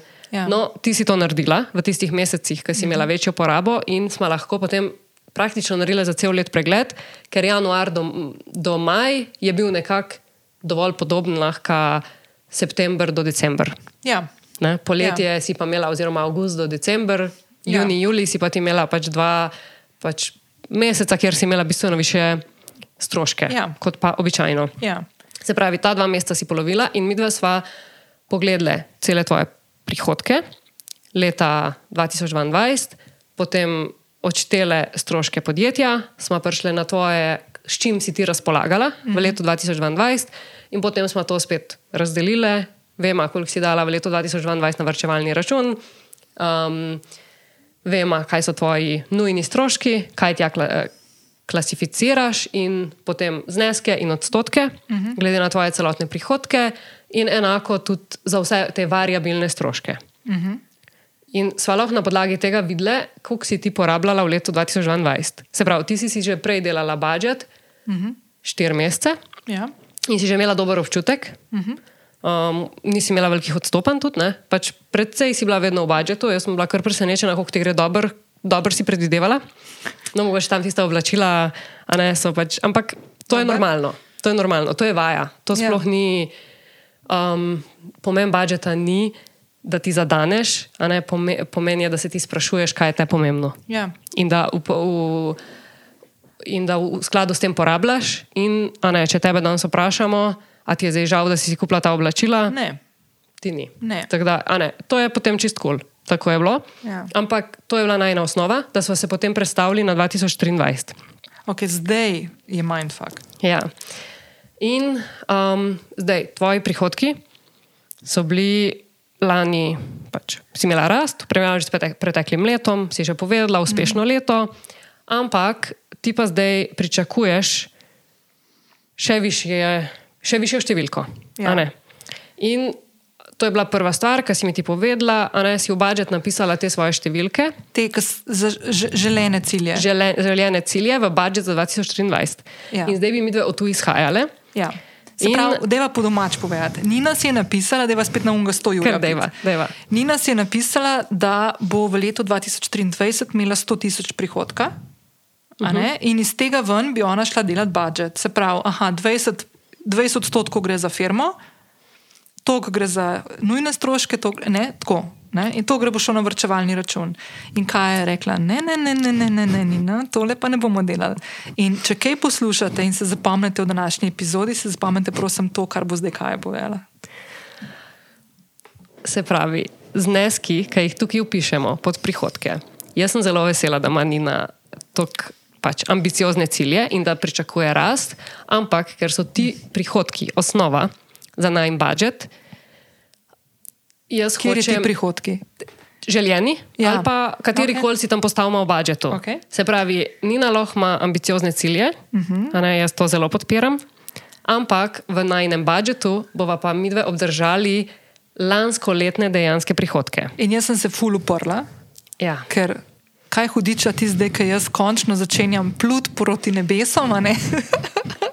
Finančne osvobajanje, ali whatever you name it, zakaj ti mene zdaj nazaj daješ v leto, ki smo ga glih kar zaključili. Ne? Ja. In si mi povedal eno stvar, ki je v bistvu, ne glede na to, kakšne imate prihodke ali pa kakšne prihodke načrtujete, ali pa če boste za delno loterijo, ali pa whatever, ne, dobro, če ste za delno loterijo, mogoče malo drugače. Ampak še vedno ta nasvet, ki si ga ti meni povedala in ga prosim zdaj ponovi, če se ga spomniš, ga bom jaz, je meni ful pomembna stvar in ena od bolj pomembnih stvari, ki sem jih slišala. Uh, ja, jaz sem rekla, da moraš porabljati kot stara Nina, mm -hmm. ne v smislu, ne to, kar ti govoriš, stara Nina, una, pač, ki, je, ki ni znala Lanska denarjem, Nina. ampak lanska Nina. Ja. Ja. A Ne, mislim, tukaj je zdaj še ena zelo pomembna logika, se mi zdi, ne, kar je to, da okay, nam lahko prihodki rastejo, ampak kot samostojni podjetnik lahko je tudi leto, ko nam padejo. Mhm. In če ti že planiraš um, rast, v bistvu je še sploh nisi imela in ti že začneš porabljati, kot da imaš rast, pol je to Mhm. spet za mene, da živiš prek svojih zmožnosti in vedno moraš mal. Pač, Vedno moraš živeti malo pod svojimi zmožnostmi. No. Ne, Mhm. ne pa čist, da si čist na meji, ne, tako sem rekla, da če pride tisoč noter, da gre tisoč ven vsak Mhm. mesec, ne, da porabimo toliko. In to se mi zdi tudi v tem, v tem kontekstu. Ne, da, um, če ti postaviš toliko više prihodke, uh, karkoli bo vam mi dve potem računale, a ne, mi dve potem zračunamo odstotke, Ja. da to razumemo. In potem na više prihodke bo vse to ful lep izgledal. A ne bo šlo več za varčevanje in pol bo izgledal, o ne, pač moje. Aha, Zdaj pa manj porabim za hrano, manj, kar naenkrat manj porabim za hrano. Mhm. Čeprav je absoluten znesek enak. Ampak, ne, pač mi dve hočemo to čim bolj si razjasniti, in potem zato imamo najprej absoluten znesek, in potem odstotke, mhm. in potem tisti odstotek na više mhm. prihodke, se pravi večjo osnovo, zgleda manjši. In, ne, pol zgleda, kot da si ti nekje pr- privarčevala, kjer še pač nisi nič naredila. In takoj začneš spet, a ne, že živiš tam, kjer še v bistvu sploh nisi. To je ena stvar, druga stvar bom pa sam poenostavila, zdaj, ker mi zadnjič na Zoomu rekla, ful boljš. Povej. Delale bova, kot da boš zaslužila v letu 2023 toliko, kot si v letu 2022, zato ker se moraš s tem tudi naučiti, da ko zaslužiš več, ne pomeni, da zdaj pa hojla, da gremo zapravljati. Zato, ker konec koncev tudi psihološko gledano, ne, padeš v tisti lup, da nikoli ni dost. In ja. da vedno rabiš nekaj dodatno, zato da boš zadovoljen, srečen in padeš v ta mindset, da se tvoje zadovoljstvo ali pa to, kje se ti zdaj nahajaš, skriva nekje zunaj, ne no, znotraj tebe. Uh -huh. Če sem jaz to prav. In to se meni zdelo tako, tle si ti meni v navednicah prodala to, da ne bova šle v moje cilje, pa plane, ampak da se bova pri budžetu za letošnje leto držali lanskega, ra, ra, realne slike lanskega leta. In meni, naprimer, lahko se to zdaj komu zdi ful smešen, ko poslušam, ampak meni se to zdi prvič odgovorno. Prvič, by the way, nikoli nisem tako razmišljala, uh -huh. iskreno. Uh, in se mi zdi odgovorno, uh, trajnostno, ne, prijazno do tebe in to, da, ne, da v bistvu ne pluješ v te, sploh kot samostojni podjetnik, podjetnica, ki nimaš teh rednih prihodkov. Da držiš neko konstanto. Tako da mogoče en del vprašanja, ki je bil, uh, Špela ga je poslala, um, ki še na svet za samo zaposlene, ko ni plača vsak mesec, pa na določen datum, ne, so tudi te stvari, ne, te koraki. Ja. Um, Ker se mi zdi tako, da.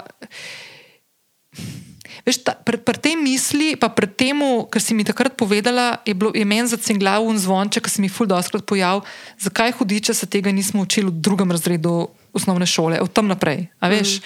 To so stvari, ki bi jih v bistvu mogli imeti v malem možganu. ne. Mm. Ja. A veš, um, no, ja, to. Ja, um, zdaj, mm, razmišljala sem samo mogoče, da bi a ne, to še pokazala na primeru, kaj ja. To pomeni. Zato, ker se mi zdi, da je mogoče to Deva. zelo težko um, si kar takle predstavljati. a Ne, za Ne, deva mi tiste- pa na mojem primeru povedati, mislim, baj, se ni treba na tvojem. Lahko pač kar ene Ne, lahko na mojem. številke dava. Ampak une procente, polka smo se pogovarjali, boš povedala. Okay, cool. Sam to, da povem, Kaja drugače ima tako uh, detajlen pogled v vse moje stvari. Uh -huh. uh, in prihodke, in stroške, in vse, ker sem se pač odločila, da bo to tako čist transparentni, čist zaradi tega, ker se mi zdi to pomembno, ker se jaz iz tega ful več naučim, pa, da, pa res na mojem kajsu. Uh, pa druga stvar, um, Malta. No, jaz bi rada rekla, ne, da pač vsi, ki pridejo na osebno svetovanje, ja, pač so čist transparentni. Je Sploh ni nobenega, ni niti pogovora o tem. Ne? No. Pa tudi, ne, če je kakšna znana osebnost. No, to je, ja, dobro, pustimo. Ja, ja, ja, ker bajdo je tudi to imamo. Ne? Uh, nekaj. ne, ampak tako, ne, se mi zdi to ful pomembno zaradi tega, ker uh, prvič zato, da pač si iskren do sebe in predvsem do sebe, no, čisto iskreno. To uh, bova pa povedala tudi v procentih, no, šle v številke, ampak bo šle v procentih na mojem primeru, tudi kaj smo v bistvu ugotovili, ker si se ful smejala. Ne? Tako da to bo tudi zdaj plastično pokazalo, kaj to pomeni pri Ja. načrtovanju. Um, jaz sem predtem hotela še reči, a ne to zdaj, če imamo um, se pravi, če pokažemo to na primeru, kaj pomeni, če ti greš v svoje budžetiranje na lanskoletnih prihodkih ali pa na prihodnjih. Ne, čist na uh -huh. enem primeru, ki ni tvoj, okay. na mesečni ravni. Uh -huh. mm, če rečeva, ne, da nekdo reče, da bo zaslužil 30 tisoč evrov na leto, uh -huh. kar je 2500 evrov na mesec. Deva reči, da govorimo o neto prihodkih, Plači. neto plača. Um, in da ima ta oseba recimo nujne stroške 700 evrov, uh -huh. ne nujne 1200, in potem da za vrčevanje in investiranje 600 evrov. Okay. In v tem primeru to pomeni, da so nujni stroški 28 odstotkov, uh -huh. ne nujni stroški so 48 odstotkov, in vrčevanje in investiranje sta 24 odstotkov. Okay. In zdaj, če pa mi rečemo, ne, um, da pač si bo nekdo postavil cilj, da zasluži 40 tisoč, Se pravi, da za 10 ur se mu plača dvigne, rečemo. tako. A ne, Ok. pa rečemo, da je to samostojni podjetnik, ki tega ne ve. A ne, to si sam želi. Ja. In če to naredi, kar je hotla Nina narediti, ne, Ja. uh, kar je tudi ena stvar, ki jaz se moram potem z mojimi strankami večkrat pogajati, ne, to ste verjetno zdaj že opazili. Ne, um, eni nočejo budžeta delati, uh, eni hočejo take prihodke. Tako da moram kar znati argumentirati, ne, zakaj je kaj potrebno, ne, da pridemo skupaj včasih. V redu, super. No, se pravi, če rečemo, da nekdo zasluži, se pravi, da želi zaslužiti 40 tisoč evrov, mm -hmm. se pravi, zasluži 3300 evrov na mesec, Prej je bilo 2,5. prej, prej je bilo pa 2,5. 800 več, okej. Tako. In zdaj rečemo, da ima še vedno iste nujne stroške, uh -huh. kar je 700 evrov, in potem ima nenujne stroške 1200. In um, se pravi, to bi potem. Uh, Ne, obratno sem hotela v bistvu pokazati, ampak ok. Hotela sem povedati, to bi po, potem bilo sicer, ja, nujni stroški 700 evrov, bi to potem pomenilo, da ima 21 odstotkov. To sem hotela pokazati. Ja, ja, ja. Da v bistvu na tvoje stare prihodke je to, ena, je to 28 odstotkov, na nove, ki jih še 21. ni bilo, je 21. In imaš ti takoj izgleda, občutek, da sem si ti 7 nekaj naredil. za, ja, prehranila sem 7 posto. Tako, ja. pa, še nisi, pa še nič ne vemo, kaj se bo zgodilo na letni ravni, uh -huh. ne, in zato to ni reprezentativno in to ni dobro narediti na tak način. Uh -huh. In potem nenujne stroške so bili prej 48% in zdaj so 36%. Uh -huh. Se pravi, spet wow. Uh -huh. V resnici nismo naredili nič, uh -huh. sam zmanipulirali smo svojo tabelo. Uh -huh. ne, kar si ti hotela narediti, ne, pa sem se jaz mogla boriti proti temu. In potem, a ne, zdaj, ok, če imamo, se pravi, mi mislimo, da bomo živeli enako kot smo, prihodke bomo imeli pa više, potem pa to pomeni, da pa damo v vrčevanje in investiranje 1400 evrov in to pomeni, da najprej je bilo 600 evrov od 2500, zdaj je pa 1400 od 3300, se pravi, je 43 odstotkov. Se pravi, zdaj smo totalni carji, ker smo iz 24% vrčevanja in investiranja prišli na 43%. Uh -huh. No, in zato jaz tega nisem hotel narediti na tvojem primeru. Uh -huh. ne, pač, da bi mi dve na tak način postavili tvoj budžet, ker če bi šle na tvoje cilje, bi vse izgledalo pravlično. Ja. A ne. Tako se je pa zgodil kaj? Ja, kaj se je zgodilo? Mm, to je pa še, zdaj, a ne, še, drug, še en drug efekt, je prišel tukaj zraven. Ja. Kar Tako povega. Ker um, Deva biti transparentne, ker se mi zdi to ful pomemben. Ja, ampak zdaj še moramo še kaj drugega povedati. Aha, okay. Mm, v gra- v glavnem, okay. tukaj so zdaj prihodki. Kaj hoče Nina povedati, kaj se je zgodilo, je, ne, da začnemo s prihodki, potem pa začnemo gledati stroške. Se pravi, fiksni stroški, tukaj verjetno nimava se kaj pogovarjati, ne?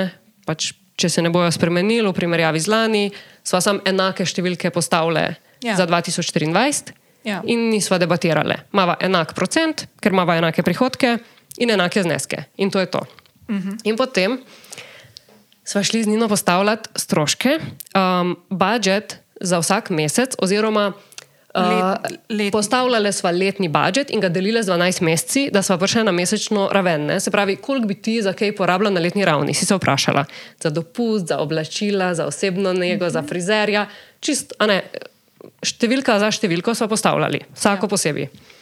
In mm, prej smo že povedali, ne, da Nina ima okrog 20%, 21, 23% fiksnih stroškov od neto plače, uh -huh.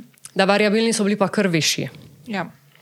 In kar je bilo meni pač takoj zanimivo, ok, pač postavljanje budžeta, to je vaja. Tukaj se pogovarjamo o tem, da mi se vprašamo, kaj nam je pomembno. In ko smo z Nino naredili budžet za, oziroma pregled leta 2022, ali lahko zdaj tu le povem, kak je bil tvoj zaključek? V procentih. Ne, kaj, ti, kaj je bil Aha. tvoj bottom line, kaj si zaključila, ko si videla te številke? A se spomniš? Ne. Um, rekla si, da če ti pogledaš, koliko ti porabljaš, in če želiš prihraniti več, ja. boš mogla več zaslužiti, ker ti si že stroške optimizirala. optimizirala in to je pač. To je to. Ne? Tukaj ti nimaš več kaj veliko narediti. Uh, zdaj, če se dotaknemo tukaj tvojih um, odstotkov, um, ti si imela takrat čist uh, v fiksnih stroških 20%, v variabilnih pa um, 3, 53 odstotkov. Deva sem tako naredila, običajno je to obratno. Ne? Ni to ni nujno. Ni običajno. To Aha, je eno okay. to pravilo, to ni običajno. Jaz vidim veliko ljudi, ki ima na ta način, da Aha. je več variabilnih. Okay. Zelo velik. Ja, in... To je bolj za tiste, ki imajo. Ne, o, tisti, ki imajo otroke, imajo pač več stroškov, ne več, ko je otrok. No, valjda, bolj valjda. je to, ja. ne, teh fiksnih stroškov se jih ne ja. moreš. Uh, Ne, ne, ne, fiksni. Pri otrocih ja, ja, gre vse ja. v fiksne stroške, ne, ker je vse nujno. Ja. Mislim, večina stvari. Ja, štekam. Ne, okay, kaj sem jaz takrat prvič, ko smo delali to, ko so potegnili te procente ven, je bilo meni prvi signal takrat, da okay, imam še manevrski prostor, da variabilne stroške lahko nižam, ne nujne. Uh -huh, uh -huh. In nas, uh, za, za to, da bom lahko več, še več dajala na vrčevalni račun. Ja, ampak. Takrat, ko smo naredili ta 2022 budžet, je bil tvoj zaključek, da nimaš več kje rezati. Ja, da, ja. da nisi razsipna, ja, ne, ja, da, ja, ne ja, moreš, da, da ti želiš imeti tak lifestyle, kot ga imaš. Zdaj se smeješ, ne vem, kaj je tako smešno. Pač tako je bilo. Mislim, se jaz, če pogledam tvoje stroške, mislim. Seveda, mi dve nimamo enakih prioritet in imamo zato drugačne budžete. In, ne, tam, kjer bi jaz dala več, ne, tega ti mogoče nimaš, a ne kakšne stvari, ki meni niso pomembne, si pač mislim, da res moraš. Ampak ja, to je čisto ja, ja. normalno. Dobro, to zdaj to zgleda, se vam lahko povem, pa če jaz rada grem dobro jesti, rajš kakšne obleke si kupiti. Ampak ja, valjda. Ne, ne, ne, se strinjam, se to ima vsak ima svoje prioritete ne, v življenju. Ja. To, da moramo biti iskreni, vsak ima. Ja. Ja. Okay. Peč, od, mislim, to je glavna stvar tukaj. Ne? Ja, ja, ja, ja, valjda. No, in kaj si zdaj hotela povedati, da no. v bistvu imamo prostor za izboljšave. Mislim, prostor za izboljšave definitivno je, uh mhm. -huh. ampak kakšna bo realnost, bova pa videla. Ampak ne, kaj se je zgodilo? A jaz povem, ali boš ti? Ne, da ti povej, ker nisem čez jih. A ja, da, ful da sem bila ful konzervativna. Ja, pač Aha, ja. Nina je v, teh, v planiranju variabilnih stroškov. Mesečnih? Za, meseč, ja, ja, letno mesečnih, pol, ja. Uh, se pravi, teh nenujnih stroškov si bila tako zelo skromna. Kot da ti nič česar ne rabiš. Povsod so bile zelo nizke številke, vse si zmanjšala, kosila zunaj, pijače. Frizerja. Mislim, Dobro, vse... Frizerja smo šli tako, da ni vsak mesec toliko, ja. toliko, ampak je na mesec pa ja. pol. Ne? Ampak, tako, ja. ne, pač, um, Se pravi, iz unih 53 odstotkov smo padli na koliko? Iz 53 odstotkov za variabilne stroške smo padli na 26 Super. za variabilne stroške. Kar pomeni, ne, da pač Nina bo v letu 2023 polovico, polovico svojega neto prihodka privrčevala. Ja, a vidiš ti hudiča. ja, ne, to bomo mogli še enkrat. Ne, ne veš, kaj se je zgodilo. Ja. To je en pomemben Ful. psihološki moment. Ful. Ko ti vidiš, kako kar naenkrat, pa ne bom dala več kot toliko. Pač, mislim, Nina. Zgubiš perspektivo, čeprav si prej mesece in mesece spremljal in delal budžete mesečne, ampak pa prideš pa na letno raven, pa na novo neko postavljanje in v bistvu, da bi od nule začel, ker ne veš, kaj se dogaja v tvojem življenju. Ne? Dejansko je bil tako občutek. Uh mhm. -huh. To je ena stvar. Ja, druga... ali pa se ti zdijo tudi vse te številke ogromne? Ne? Ja, veš, to, ker, ne, gledaš na leto, to, gledaš letno. Ne? Ja, to je spet to, kar ja. smo se pogovarjali tudi prejšnjič. koliko mi 50 evrov tam, pa 20 evrov tam, a ne pa koliko to hitro pride na 1000 evrov. Ti, ko tam gledaš, da boš dala za neki 1000 evrov na leto, si misliš, pa če to je že dovolj. Ne, ne bom dala več kot tisoč. Ne. Mislim, Ja. ja. na mesec to pride komi 80, ne. Ja. če pač razporediva a ne, enakomerno. In tukaj je ena stvar, ne, da pač, ko gledaš na letni ravni in si rečeš, mogoče ja, no, pride do tega trenutka, ko ne moreš verjeti, da Ja.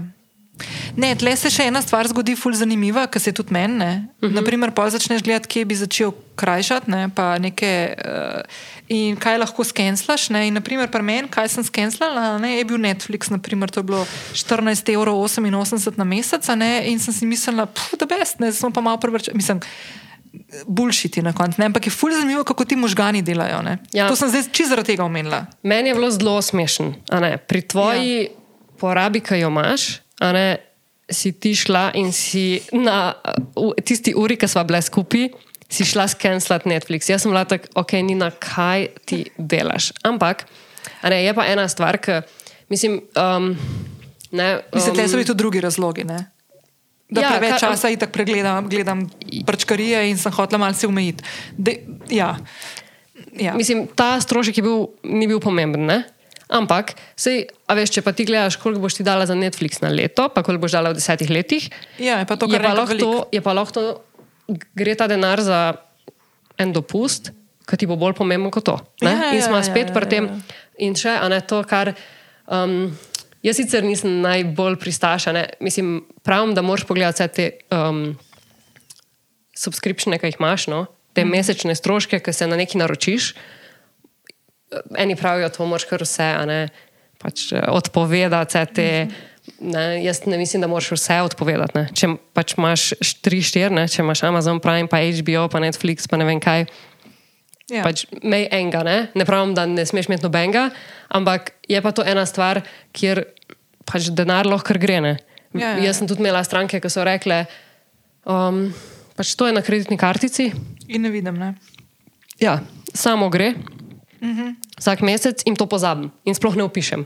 ja. A Ne, in to pač potem sploh ni zabeleženo, in pol sploh se ne vprašam, ali je zdaj to pomembno. Uh Mhm. -huh. Da z tega vidika, in ti si v bistvu razen subskriptionov, ki jih imaš za podjetje, uh -huh. ne, Canva, iCloud, Mhm. Ja. vse te privatne, si v bistvu prej si že vse, razen Netflixa, in zdaj si še Netflix. Ja. Ne? Ker si še nekaj druge imela. Prej vem, da si, še, si že prej neki subscription dala stran. Ja, ja, ja, ja uh, Apple Music pa to. Ja, ja, imaš prav, imaš prav. Uh, ne, se tle tako, da ne bo zdaj ta bullshit, ne. Uh, um, da ne bo ta bullshit, no. Netflix sem jaz iskreno skenslala zato, ker preveč preživim časa na teh uh, linearnih platformah, da imam že druga dva ponudnika itak, za katera ne plačujem, zato ker se piggybackam na nekoga drugega. Um, je pa ful zanimivo. Nisem, veš, zakaj vem, da nisem Netflixa, samo zaradi tega, ker je bil pač 15 evrov na mesec. Ne? Zato, ker bi lahko ga vzela. Pa se piggybackala na, njegov, na, na en drug račun, pa tega ne naredim, zato ker je bil point, da skenslam še eno platformo, ne, mm -hmm. ne razstrošek samo. Ampak ja, načeloma je pa to, je pa to čist, um, ja, en tak čist dober primer. Um, Deva zdaj, ok, to si tle, tle ki si stopila skozi vrata, danes, ko si prišla, si rekla, če sem kakšno refleksijo naredila. Ja, Ja. yeah. sem jo, ampak sem se odločila, glede tega, da sem si dala ful konzervativne stroške. Ne. By the way, samo da ti nekaj povem, ker sem šla prav gledat. Lani sem imela en mesec, v teh sedmih mesecih, ki sem jih spremljala, mislim, da je bil oktober, nisem zihar, mislim, da je bil oktober, ko sem dejansko padla stroški v ta budžet, ki sem si ga predvidela, ampak je bil samo en mesec. Ne? Uh -huh. A veš. Um, jaz bom definitivno to šla, ampak se bom tega lotila na drug način in sicer, da si bom pustila mesečne, mesečni budžet, tako kot sem ga zdaj delala in si ga upisovala noter. Po, aha, da je mogoče še to, se mi zdi full fajn. No. To, to vam jaz vedno, sploh ko govorim, tako pa da je audio. Uh, tako kot sem razlagala, kako imam jaz te Excel tabelice v tisti. Um, V tisti uh, epizodi na koncu leta, zaključevanje postavljenih ciljev, bom sam povedala, da sem imela do, po mojem, prejšnjega tedna ene deset različnih Excel tabelc, uh, Excel dokumentov, vsak ima neki po svoje, in zdaj sem jih to združila in poenotila. In imam zdaj tako, pustimo zdaj leto 2022, ki je zaključeno, ampak isto sem si naredila za leto 2023. Imam en file Excel, ki se tiče finance 2023. In pa imam zavihke noter. In to se kaže, zdaj ful smeje, ker ne je to ful smešno, ampak vsak ima neko svojo logiko. Ne. Jaz sem zdaj to tako naredil, da je prvi zavihek je ta, ki sem ga omenjala v tisti epizodi konc leta. Je moje izdajanje računov, promet na spletni trgovini, ponudbe, ki jih imam zunaj za moje naročnike, kje so potrjene, kje niso potrjene, pa skozi vem približno, kje se nahajam do unga cilja, ki sem si ga napisala, ki pa ni cilj mojega budžeta. Promet, ne? to je tista drug cilj. Uh -huh. okay. Pa imam naslednjo, naslednji zavihek, je v bistvu cel, celoletni budžet, pregled. Ne? Imam pol tako spet postavitve, ne stroški firme, fiksni stroški, variabilni stroški, vrčevanje, enkrat bo dalek malo tudi investiranje. In potem imam tretji. eh, Zavihek je pa januar, naprimer, zdaj, in pa bo februar, in tako naprej. Tako da, in tisto, kar v januar zdaj pišem, pa prepisala v ta drugi zavihek, noter v letno, ki bom dajala tiste mesečne stroške. Ne. Ful lažje mi je gledati za enkrat, verjetno, mogoče, mogoče bom letošnje leto še celo leto malo bolj gledala po mesecih, kot celoletno, ne? ker mi je lažje. Ker nisem, tudi lanskega leta nimam celega. Naprimer, za, za, za stroške firme imam dejansko za, cel, me- za celo leto. Um, za celo leto imam stroške, za svoje zasebne pa ne vseh, ne variabilnih nimam. Ne? Ja, ampak se veš, a ne? Ja, ja, ja. da imaš dovolj dobro oceno Mam, po mam, teh mesecih. Mam, da, mam, ne, um, pač vse to se boš navadila. Ja. Ja. Pač to, je, to je čisto v redu. Je pač zanimiv psihološki moment, koliko mm. -hmm. pač nisi več rabila tistem trenutku in koliko je bilo za vsako kategorijo. Sem se Imam to dovolj. ne. Ja, ja, se- jaz ne. nisem pač sam rekla, mislim, Nina, ne, pač, kolikor Ja, te jaz ja. poznam, zdaj po pol leta tole ne bo. Ne? Ja. Ti pa pač ne. E, ja, pa sem jaz to edina, ki ima take izzive. Tako. Ne. Ne. Pač, kakšno vprašanje? Ja, ne, ne vem, ampak še tako mislim, a, a se kakšna stvar tako ponavlja tudi pri kakšnih drugih, ki te pridejo. Mislim, praktično se vse ponavlja. ne? Aha, to je Sprav pač vse nič na- special. Mislim, zdaj, aj to dobro, aj to slab. Ja. To je lahko tudi dobro. Ja, Ker če si posebni, je lahko tudi slabo. Ne, da, ne tega je mat na tak način. Um, ampak ja, mislim, jaz bi še rada nekaj rekla. Ne? Um, ker mi dve se zdaj pač toliko pogovarjava o tem, koliko ti svoje. Svoj budžet za drugo leto postaviš na osnovi tega, kakšni so bili tvoji stroški v preteklem letu. Ja. Okay, se vidimo, da ti si variabilne čist spremenila.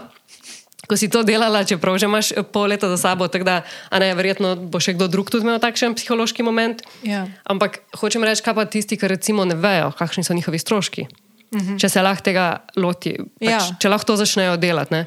Jaz tudi, um, uh, pač jaz na delavnicah ali pa na osebnem svetovanju prav pokažem a ne, vse te um, paje.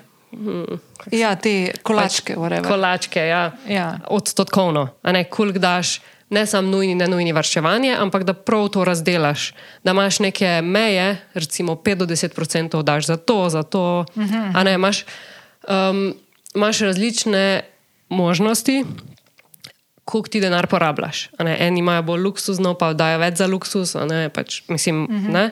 Eni imajo bolj, ne vem, jim je pomemben avto, pa imajo veliko pač velik denarja na leto dajo za, za avto, uh -huh. ne, pa je tam več. Eni, vsak ima nekaj svojega, ne, in so tukaj tudi ti različni modeli. Uh -huh. In kar jaz vedno rečem, ne, je, da ti lahko pogledaš, ti lahko narediš za preteklo leto ali pa za mesec, koliko zdaj ta tvoj kolaček zgleda, ne, kakšne odstotke imaš ti. Mhm. Ampak lahko pa ti iz enega od teh modelov tudi pogledaš, kje bi si ti želel biti. Aha. In to je lahko zelo drugje. Aha, štim. In zato hočem reči, da a ne, postavitev budžeta jaz to gledam kot eno vajo. -huh. In kot sem že rekla, ni cilj, da mi či zadanemo te zneske, sploh ne, ker je ne mogoče, a ne, tudi jaz jih ne, nobeno -huh. leto. -huh. Ampak cilj je, da se mi vprašamo, kaj nam je pomembno. Ja, ja, ja. In da pač živimo v skladu s svojimi prioritetami.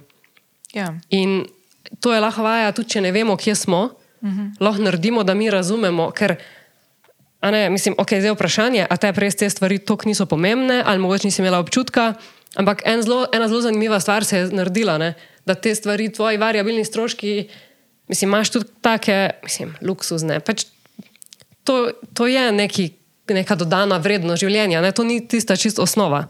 In ti si kar naenkrat se ti je zdel, da pač to mogoče ni tako pomemben. Ja, ne, veš kaj, uh, ja, veš kaj je fora. Um, mene, veš, kaj mene odnese. Naprimer, jaz sem si postavila tri dolgoročne cilje, ki so za mene pomembni. Um, in mene pol. Jaz, veš, jaz sem tako včasih imel občutek, da se kaj eno stvar vidim tako daljavi, kam tečem, da sem kot un kon, ki da gorune plašnice. In malce, da bi hotla pozabiti. Ne? In mislim, da je ta, ta moment se zgodil. Ne? Ker jaz, na primer, ne, zdaj bom po pravici povedala nekaj. Ne? Kar upam, da Miha ne bo poslušal, vse Miha ne bo poslušal. Mi dva imamo določene, ne, mi dva Miha ne bo poslušal. Ne, ne bo tega poslušal. Miha ima, dolo, nisem Miha, ni Miha. Mi dva imamo določene stvari, ki so nama obema tako ful pomembne. Ne? Naprimer, to, da greva na potovanje, gašno, pa da greva dobro jesti, pa ta, ta, ta, in tle fulenga denarja dava. Ne? Naprimer, mislim, e, kar neki procentov gre v to. Če bi bila jaz zdaj sama, ali pa naprimer, da bi se mi to zmenila, ne, pa da mi ne bi bilo to tako pomembno meni, da je reči, kot da bo zazlila, da je on to meni v furu, ne, ne ful smo si podobna. Jaz najraje bi naredila tako, da za en let rečem, hej, letos ne greva pa nikamor tako, ful bo šla v easy, low budget. Ne?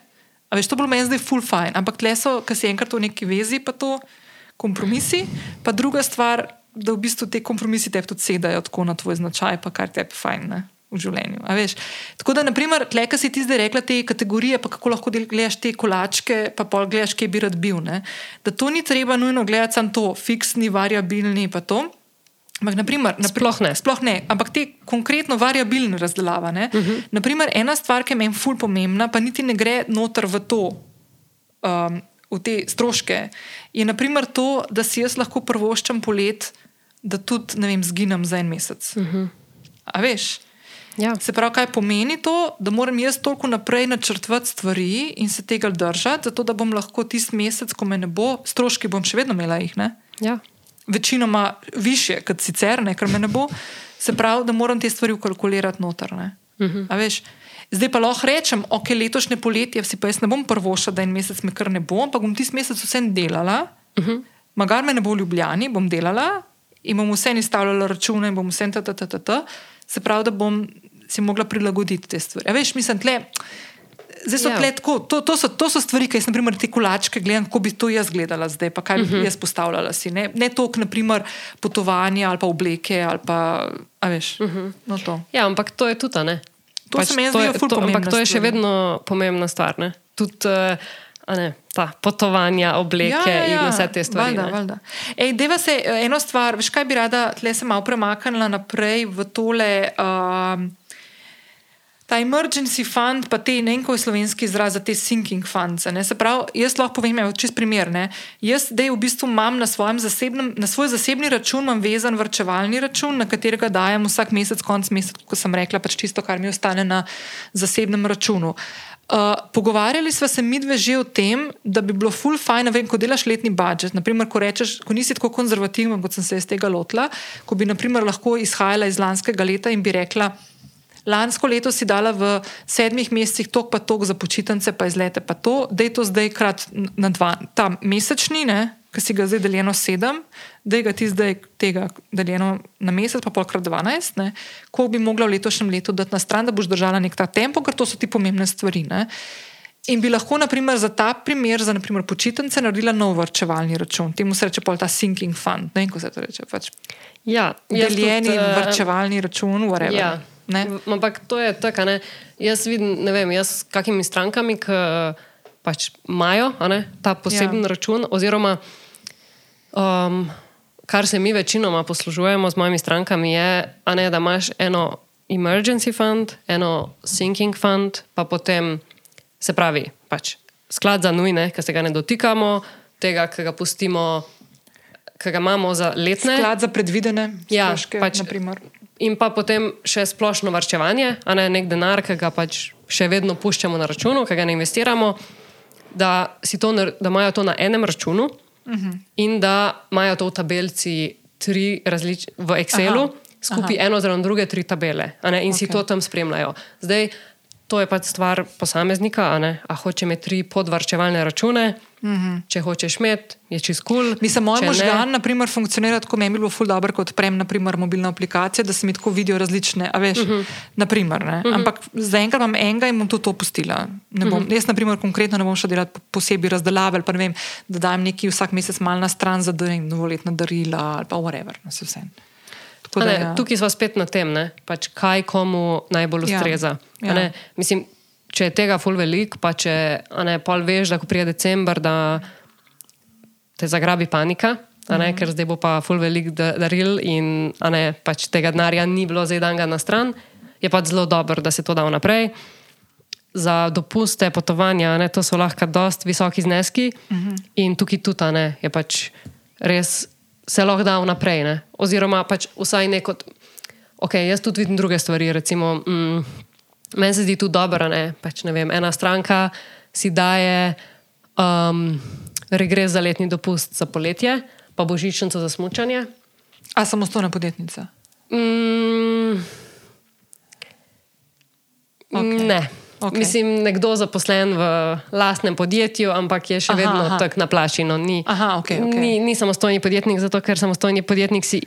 Pač ne vem, jaz ne vem, da bi si ti izplačevala regres. Ne, no. ne, ne. Um, Mislim, da nekaj je v teh, ja, neki, neki pol, ki se obračun dela, se nekaj da zraven, ampak ne, da bi si ga jaz kaj izkušala. Ja, no, da bi si ga ti, tako ja. da zato verjetno. To je samo to si... v obračunih noter pol, ja. računovodstvo. Ja, ja, ja, ja. Te pa verjetno si ti nimaš tistega zneska ne. nekako posebej. Ne. Tako da verjetno to ni najbolj za samostojne ne. podjetnike. Ja. Ampak se tudi drugi poslušajo, ne? Ja, ja, ja, ja valjda. Um, ali pa ne vem, imam pa tudi stranko, ki si da pač otroško olajšavo, ne pač v enem znesku, da pride in je pač gre tisto, recimo, za, za dopust. Da, okay. Ne lahko imaš ti neke ekstra prihodke, uh mhm. -huh. ki jim daš poseben namen. Meni se zdi to recimo, dober način. Uh mhm. -huh. Ali pa to daš noter, a ne tako pač vedno govorim, da tega ne smeš pozabiti, ne, da je to del tvojih prihodkov, uh mhm. -huh. da moraš to vključiti v svojo tabelico. Uh -huh. Pol si pa pač lahko vsak mesec rezerviraš. Ne. Spet več načinov je in to, kar vsakmu uh -huh. najbolj ustreza. Uh -huh. ne, jaz nočem reči to je pravi način, to je pa napačen. Zato, ker, ne, vsak ima svojega, ne mislim, da zno, znotraj tega, kako ti hočeš, pa kaj so tvoje prioritete. Um, ok, da mi povej, mogoče ena stvar, ki se mi je zdela uh, vedno tako ful. Kaj, kaj meni ful dobro, nekaj mi dve delava, je, da v bistvu se vedno znova, praktično po vsakem pogovoru, no, pa jih ima res veliko da imam občutek, da se nekaj na novo naučim, pa da, neki, da, da, da, da, mi, da me spodbudiš v neko razmišljanje, ki ga do takrat nisem imel. No, da poenostavim. Vsakič znova, ki mi ga zaključujem, mogoče jaz kakšno stvar dodam v te tabelece. Ne? Tako mislim. Uh -huh, uh -huh. In iz tega novega dodajanja in dodatka, ki ga naredim, imam občutek, da dodatno tudi svojo to. Način dojemanja denarja in odnos do denarja spremenjam, krepim in te neke vzorce, ki mi niso delovali in so me v bistvu nazaj držali, -huh. spremenjam. Uh -huh. In zdaj moje v bistvu vprašanje je tle, ko se pogovarjamo o letu, ko se je začelo novo. Ne? Novo, začet, novo leto, nova jasna, kako že. Ne, kaj so naprimer, tiste neke stvari, ki bi jih lahko vsak od nas v letošnjem letu naredil, da izboljša neke svoje finance oziroma upravljanje svojih financ? Ja, zdaj Ne, danes smo se pač veliko posvečali budžetu, to se mi zdi, da je dobra vaja, ne, da to naredimo, pa pač da začnemo, kjerkoli smo, da pač od tam naprej začnemo. Ne. Vsak je na neki drugi točki, ampak da začnemo z budžetom, ne, da si pač postavimo ta fond za pač nujne primere, uh mhm. -huh. da imamo neko. Da se počutimo mi varne, ne, da imamo nekaj denarja na strani. Um, v bistvu tudi, ne, mi, če investiramo denar, je tudi zelo pomemben, da še vedno imamo pač nek določen znesek. Ne, pač zdaj, ni dobro, da je neka uh, ogromna številka, ampak za našo mirnost je dobro, da pač en znesek tam ostane. Pol zdaj, če imamo ne, ta pač nek um, sinking fund, ne, se pravi, da si neki za te sprotne stroške na letnem nivoju ustvarjamo, ne, tudi lahko. Um, potem pa zdaj ena stvar je tukaj psihološko, neka potrpežljivost. V tem mhm. procesu, zato ker ne, jaz tudi pri strankah slišim, da obupajo zato, ker dajo določen znesek na mesec in ne, se tako počasno nabira. Ne, vsak mesec in pač kar ne raste. Ne. Ti misliš, da se nečemu odpoveš, zato da daš na vrčevalni račun denar, tam pa se kar nič ne zgodi. Ne. In smo fulno potrpežljivi. In ne, to, da delamo majhne korake in da smo potrpežljivi. Zato ker in tudi majhne korake v smislu, da ne rečemo, ok, ne, zdaj bom pa jaz pač svojo porabo zmanjšala za 50%. Um, ja, pač slučajno se je to ni naredilo v budžetu, ampak mislim, da to ne bo realno, ne pa nini. Ampak um, če to naredimo, ne, če si postavimo nekaj, ful, če se ful omejimo, uh mhm. -huh. bo to za dva, tri mesece maksimalno. Ja, pa bo pa eskaliralo in boš opustil svoje stvari. Ne? Tako, v bistvu in boš res nehal. Ja, ja, ja, ja. Ne, in to so tudi neki ti spletni izzivi. Zadnji sem dobila nekaj vprašanja o spletnih izzivih. Jaz ne, morem, jaz ne bom rekla, da niso učinkovita, če pa se mi odločimo, če vemo, da bo to ja. za nas delovalo, če preizkusimo. Uh mhm. -huh. Ampak če potem opustimo in uh mhm. -huh. rečemo, ok, to ni šlo, ne, bom januarja uh -huh. 2024 spet vprašala, oh, ne, a, a bom zdaj probala nov spletni izziv. Ne, to je, ja, veš kaj, še, mogoče eno stvar tle, bo sam to, kar sem na začetku omenila, um, ker bo še ene dve vprašanji uh, imeli. No? Uh, nekaj vprašanj, kljub temu, da sem rekla, da bomo govorili o budžetu, ne, je prišlo na temo investiranja. Mimo grede, to je tema, ki me ful zanima in me je od začetka zanimala. Ker sem ena uh -huh. od mhm. stvari, ki sem jih že trikrat, tri leta zapored pisala v svoj dnevnik, da, da zdaj v tem novem letu bom pa začela vrčevati in investirati. No? Uh -huh. uh, postopoma gremo. Ne? Ja. Uh, začeli smo najne pogovore na podkastu v septembru z spremljanjem stroškom. Temu smo namenili največ časa in temu spreminjanju odnosa do denarja in psihologije denarja. In Danes smo govorili o budžetih, ker dokler teh stvari ne veš, dokler ne, ne moreš delati budžeta, če ne veš, kakšne imaš svoje stroške. Ne moreš investirati, če ne veš, kakšen je tvoj budžet. Ja, ne? Na nek način je, mislim, um, ne, to tudi.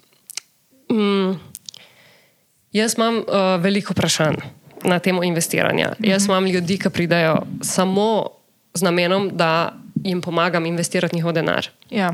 In uh, tukaj se je treba zavedati, da to sta dve različni veščini. Ja. Ena veščina je upravljanje z denarjem, ja. druga veščina je investiranje.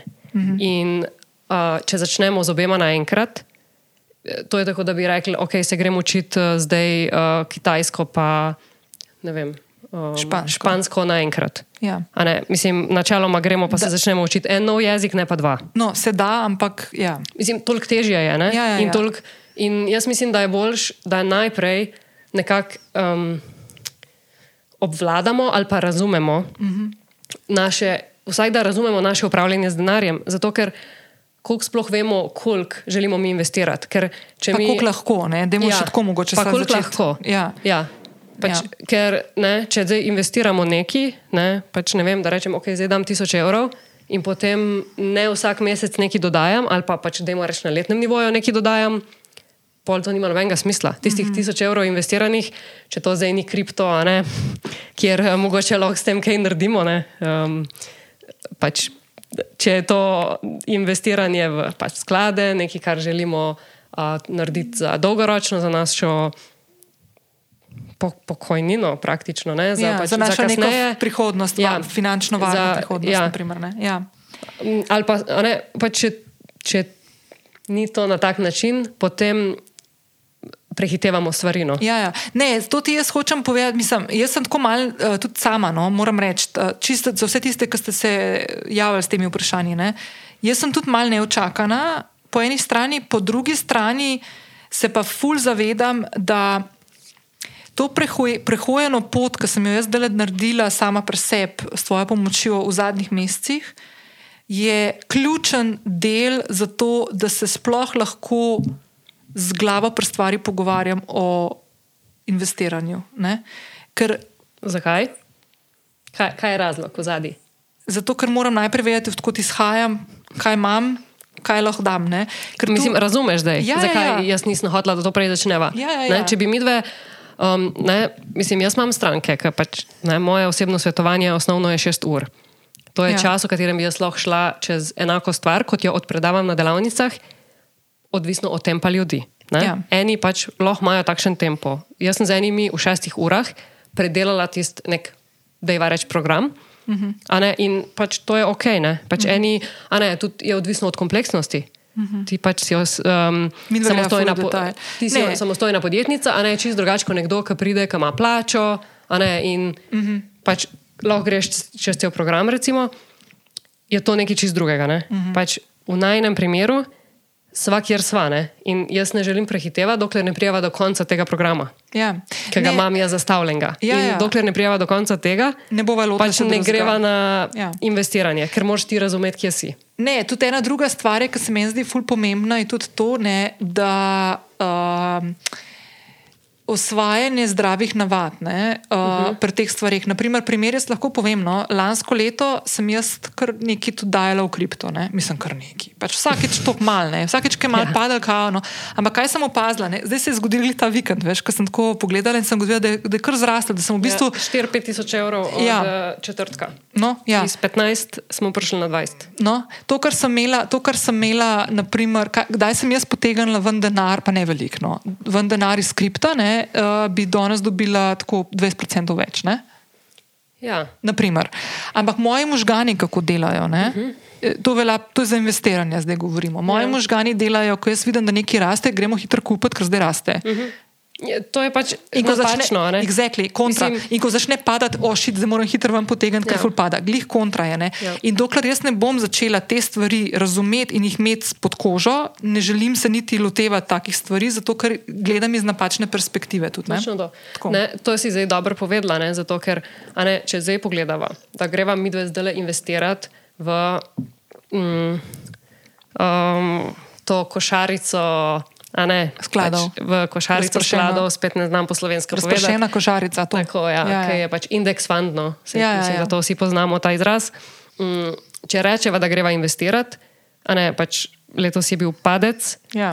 In če bi ti videla, da si dala neki noter in da pač ta, ta Ja. vrednost kar pada, Ja, bi nehala. Ne? ja, Logična poteza bi bila to. Ne? ja. Ja, In, pa ne a logično, si- obenem, ne. Obenem ne logično, zato ker mislim, moraš to razumeti, ne, Ja. kaj se dogaja. In zato, ne, po moje, pač nisi bila pripravljena na to, Ja. še, ne zato, ker še vedno delamo na tem tvojem um, pač odnosu, pač tvojem mindsetu do Ja. ja. denarja in tudi do investiranja. a ne.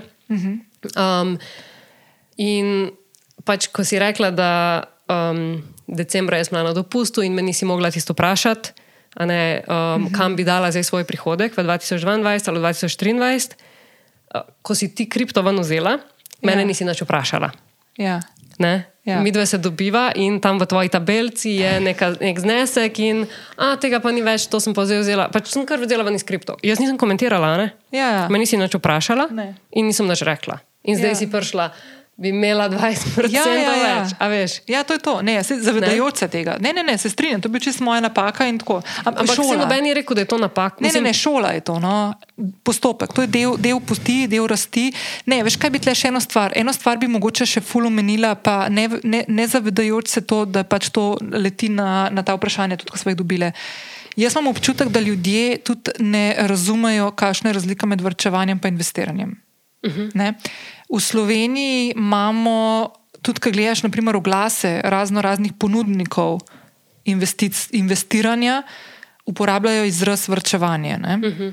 To sta dve različni stvari. In mislim, da je prav, da tudi to, pa tudi namenjeni sta dvem različnim stvarem. Ja, ja, ne? absolutno.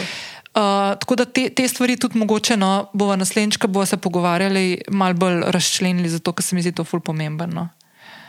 Um, a si hvala še kaj reči? Um, mislim, zdaj, ne, pač, eh, kaj lahko naredimo v letu 2023, ne? Pač o tem se lahko še pogovarjava. Zdaj, No, daj povej, par kakšne par ur. stvari. Ampak um, ena ful pomembna stvar, ki se meni zdi, je to, da en tak aha moment, ki ga imamo, lahko je to, da mm, um, če pač mi rečemo, ne, da v tem trenutku toliko in toliko zaslužim uh Mhm. -huh. in da zdaj ne morem privrčevati nič, zato ker pač taka je moja poraba in sem pač recimo na nuli ali pa na nekih minimalnih prihrankih in da čakamo na pač, da Boljše čase. boljše čase na povišnico v službi ali pa na neko rast prihodkov v SP-ju, uh -huh. in da bomo takrat začeli vrčevati. Ja. A Ne, pač najboljši pokazatelj tega, kako bomo mi delali z denarjem, ko ga bomo imeli več, je koliko mi danes delamo z denarjem. Ko, ko, moramo biti pre, ko moramo biti konzervativni in ko moramo spremljati porabo in stroške. Pač, mogoče, mogoče vedno jo moramo, ampak Ja. ja. ne, če zdaj ne znamo učinkovito upravljati, tudi takrat ne bomo. Ne? tudi pol ne bomo. Ja, In- oziroma, verjetno tam sploh ne bomo. Ne? Ja, pač ok, ne, mislim, sam, ne, to smo že zadnjič govorili, da mogoče sam potem mal eh, pas eh, odpremo, ne, pa rečemo, Ja. yeah. ok, si bom še zdaj tole, ne, res Ja, sem ja. full delo, si bom še to prvoščil. Ja. In ne, čakati na to, na višji prihodek, ne bo pripeljalo do tega, da bomo pa zdaj mi pač trikrat več pr, prihranili, če bomo malo več zaslužili. To, to se vračava na to, uh, kar si takrat, ko smo, delali, ko smo začeli delati budžet moj za letošnje leto, rekla, da delava na prihodku lanskega leta.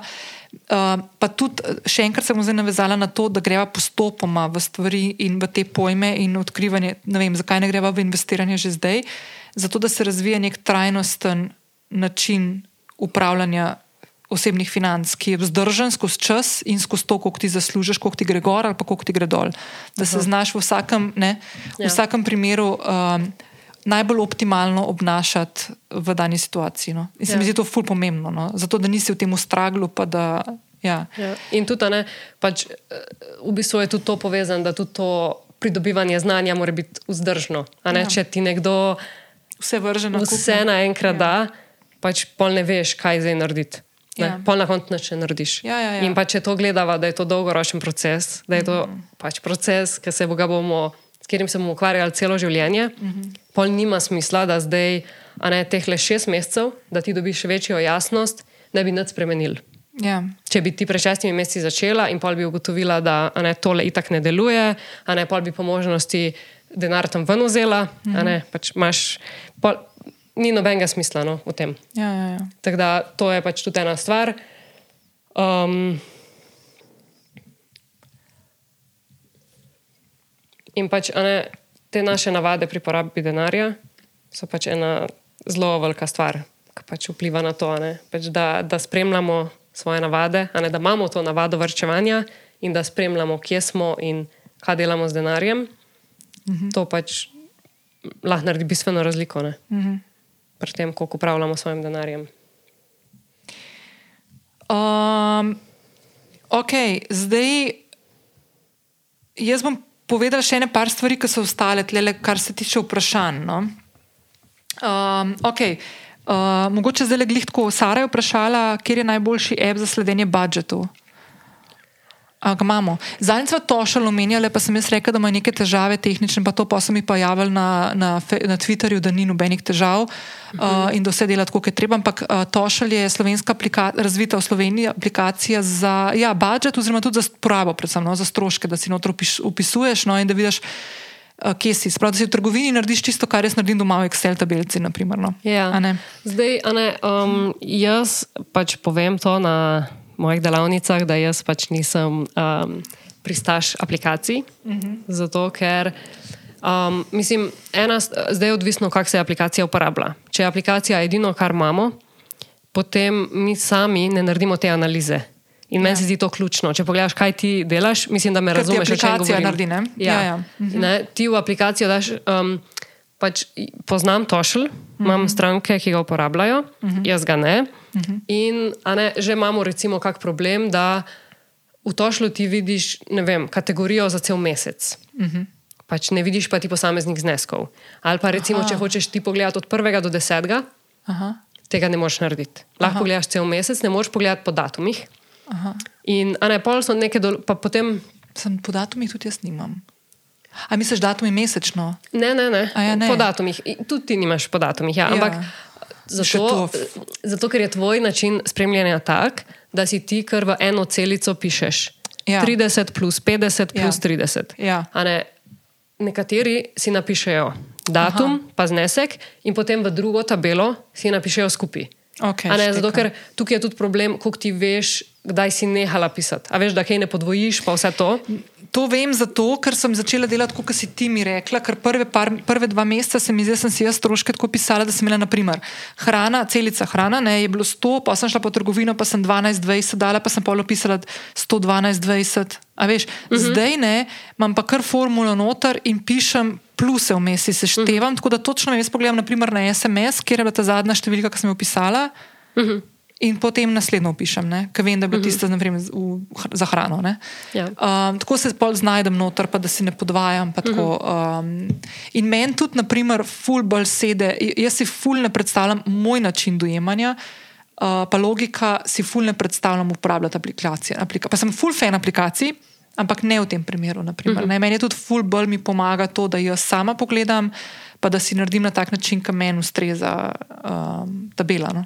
Ja. Da, ja. Jaz mislim, predvsem, ne, ker tukaj glavna stvar ni, da imamo mi to zabeležen, ampak glavna Analiza. stvar je, da to mi analiziramo in da razumemo svoje številke. Uh mhm. -huh. In jaz, če mi kar to aplikacija nekot skupaj da, ti ne vidiš tega. Mi ni to všeč. Mislim, ja, ja. da se pač iz tega manj naučim. In, uh mhm. -huh. Ampak jaz imam stranke, ki imajo to za sprotno ja. in potem naredijo ta Excel, tako ti, uh mhm. -huh. in pa mi lahko naredimo isto stvar. Jaz pač. Kar jaz naredim v tem umestnem koraku, je, da pač na iPhonu uporabljam novce. Ne? In okay. si tam noter kaj napišem, če kaj sproti rabim. Pač ne vem, zdaj na potovanju tridnevnem sem imela vsak dan vse stroške, ker noter eh, v novcih, dokler Aha. nisem tega potem šele po treh tednih uh, doma. Um, um, Vam potegnila, ne? Ja, mislim, ja, ja, sem, ja. Sprot, pač, sem sprot analizirala na nek način, ne? ampak ne v Excelu in ne v aplikaciji. Aha. Ok, um, pol je bila, naslednja je bila, uh, kje in kako vrčevati za penzijo. Uh, lepi še 20 let, da dobiš ven vsaj toliko, kot si vplačal, minimalni donosi. To bo vam idva enkrat naslednjič, to bom jaz predstavljati. Ja. Pa invest, okay, investirani. Uh, okay. Uh, še eno vprašanje Tjaša je poslala, primeri side husla v Sloveniji. Pravi, če jaz prav razumem, kako dodatno zaslužiti, poleg tega, kar zaslužiš, zdaj, ali če si samostojna podjetnica ali pa če si zaposlen. Uh -huh. Ok, ful težko odgovorim, ampak dejansko to, kar ti vidiš v tujini, da delajo side husle, načeloma veliko stvari lahko tudi le. Vem, imaš tudi razne ankete, pa fokusne skupine. Jada, jada, ne. Veš, popodanske SP. Jaz mislim, da tako. To smo se zdaj kar nekaj pogovarjali zadnje čase o tem, koliko bi naprimer, bilo fajn, da bi se tudi naša delovno-pravna zakonodaja prilagodila temu, da, naprimer, lahko, da je bolj fleksibilna. Ker danes, če hočeš nekaj tako zaslužiti dodatno, naprimer, pa si zaposlen, si lahko odpreš samostojni, mislim, si lahko samostojni podjetnik. Se mi zdi, da je mogoče tako še vedno malo preveč, včasih težko razumeti, ali pa je mogoče teže dosegljivo, kakšne stvari. Um, um, kakšne stvari poenostavljeno zapeljati. No, Moraš, veš, razen če na črno pol delaš. Ne.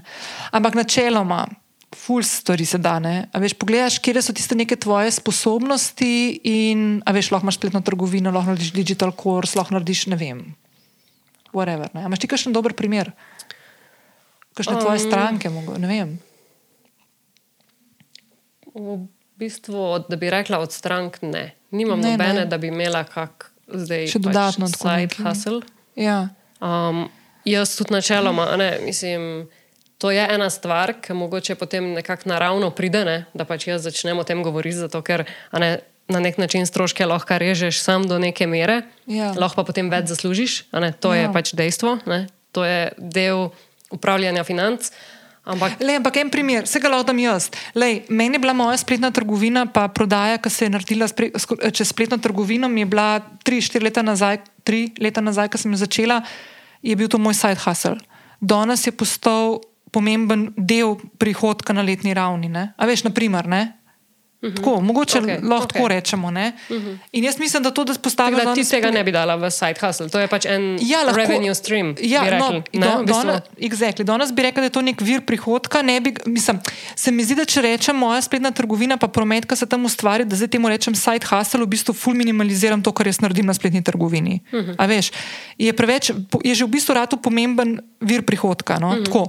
uh, je bil pa narejen kot nek side hustle, ne, v bistvu.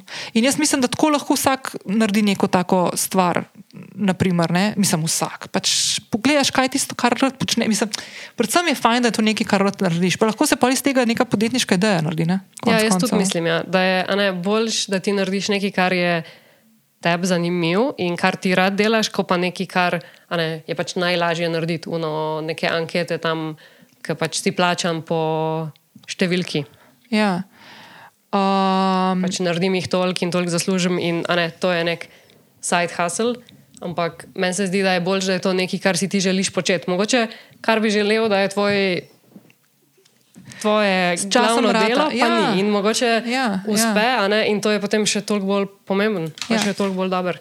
Le, naprimer, če bi jaz zdaj bila zaposlena, veš, naprimer, ne, bi bila zaposlena, pa bi imela naprimer, ta podcast, veš, pa bi razmišljala, aha, kako lahko monetiziram ta podcast, veš pa bi odprla sem eh, popodanski SP, naprimer, veš, primer. Hmm.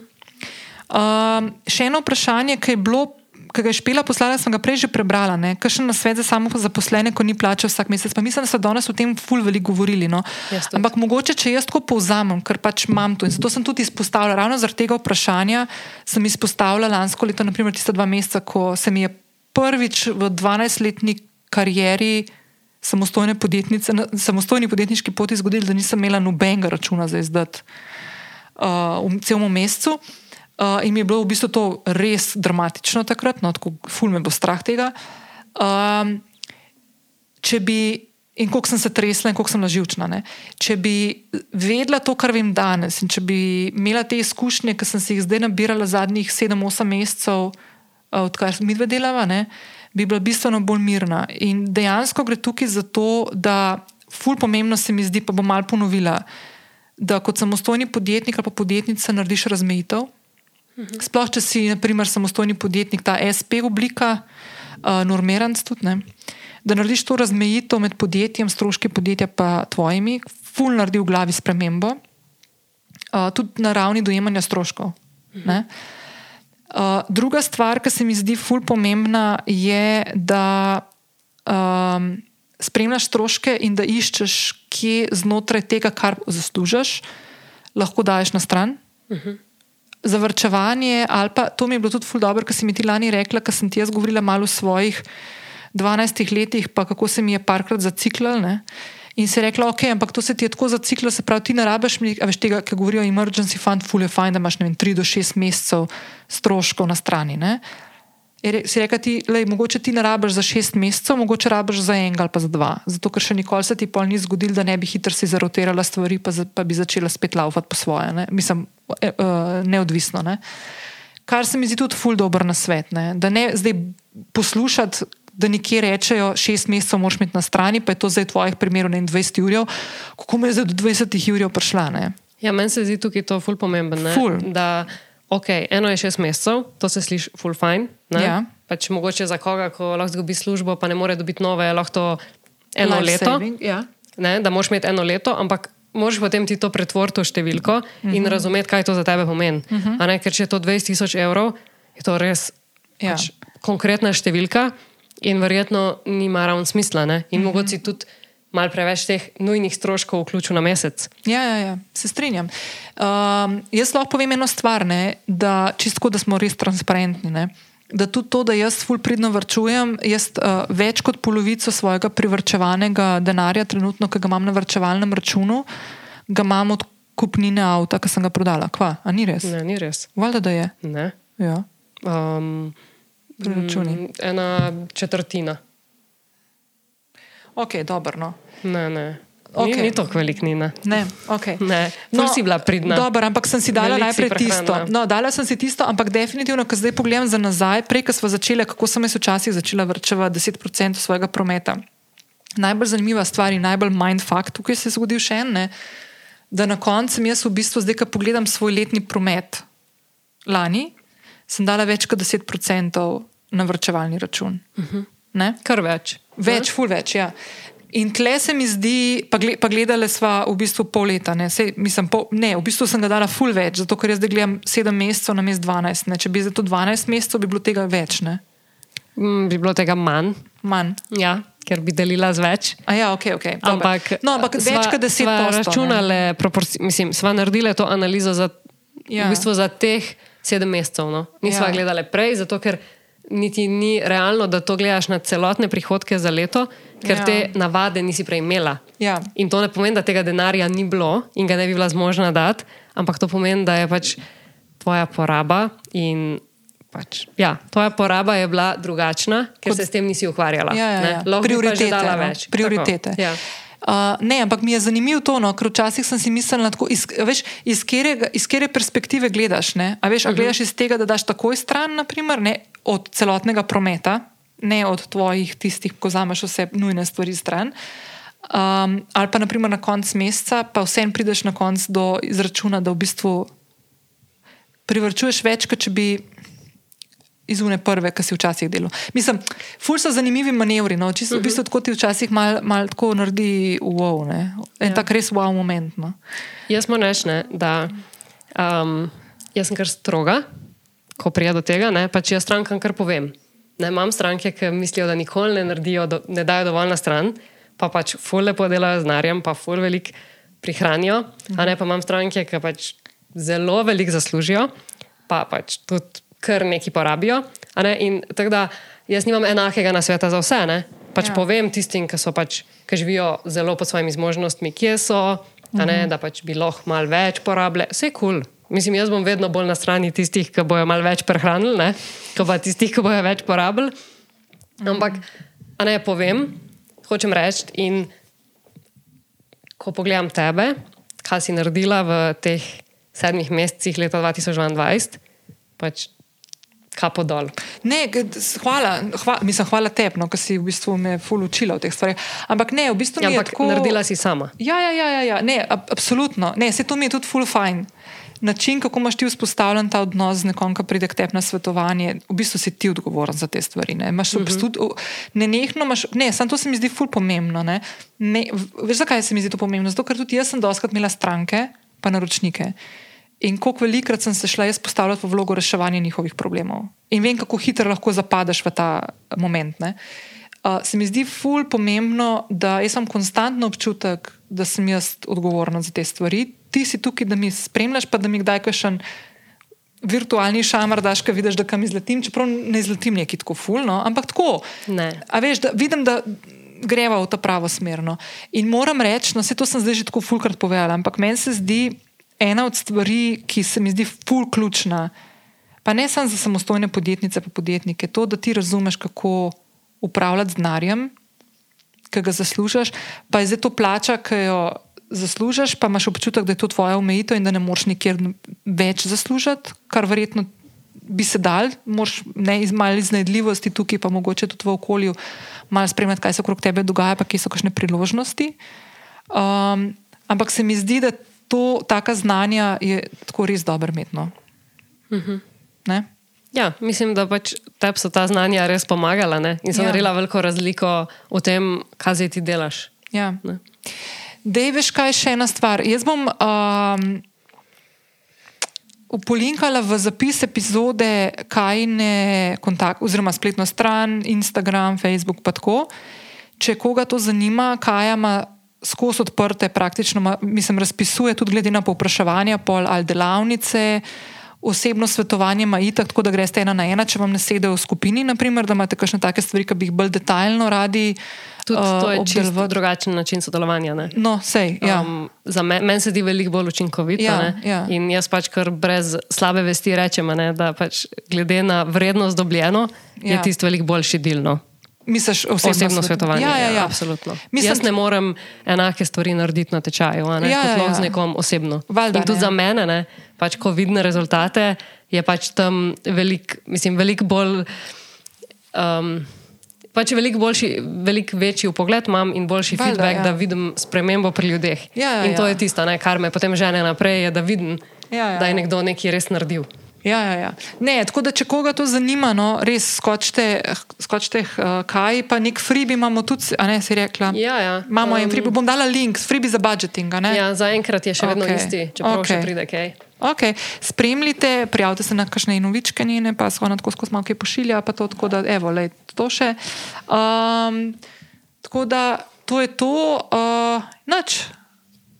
Kaja, povej, O, jaz bi umenila, zelo zahvala. Zahvala. No, da je zahval se. Ne, um, če bi vedela, da bom prek mojega um, osebnega svetovanja in mojega um, biznisa upravljanja financ spoznala Jano Morel, bi to naredila že um, par let nazaj. Jana tudi dela s tabo, da veš. Ja. Uh, ne, super. No, evo, Jana je tudi ena taka, ena taka krasna ženska, ki v bistvu uh, sem ful vesela, no, da je tudi te spoznala, oziroma da ste se spoznali, uh, pa da lahko tudi njej pomagaš. Sej bom jaz z Jano še govorila, pa to mi bo malo povedala. Kako točno se je ta, uh, to svetovanje s tabo zgodilo, pa kako, kaj pri njej se je zgodilo? Ja, me tudi zanima, kaj bo Jana povedala. Ja.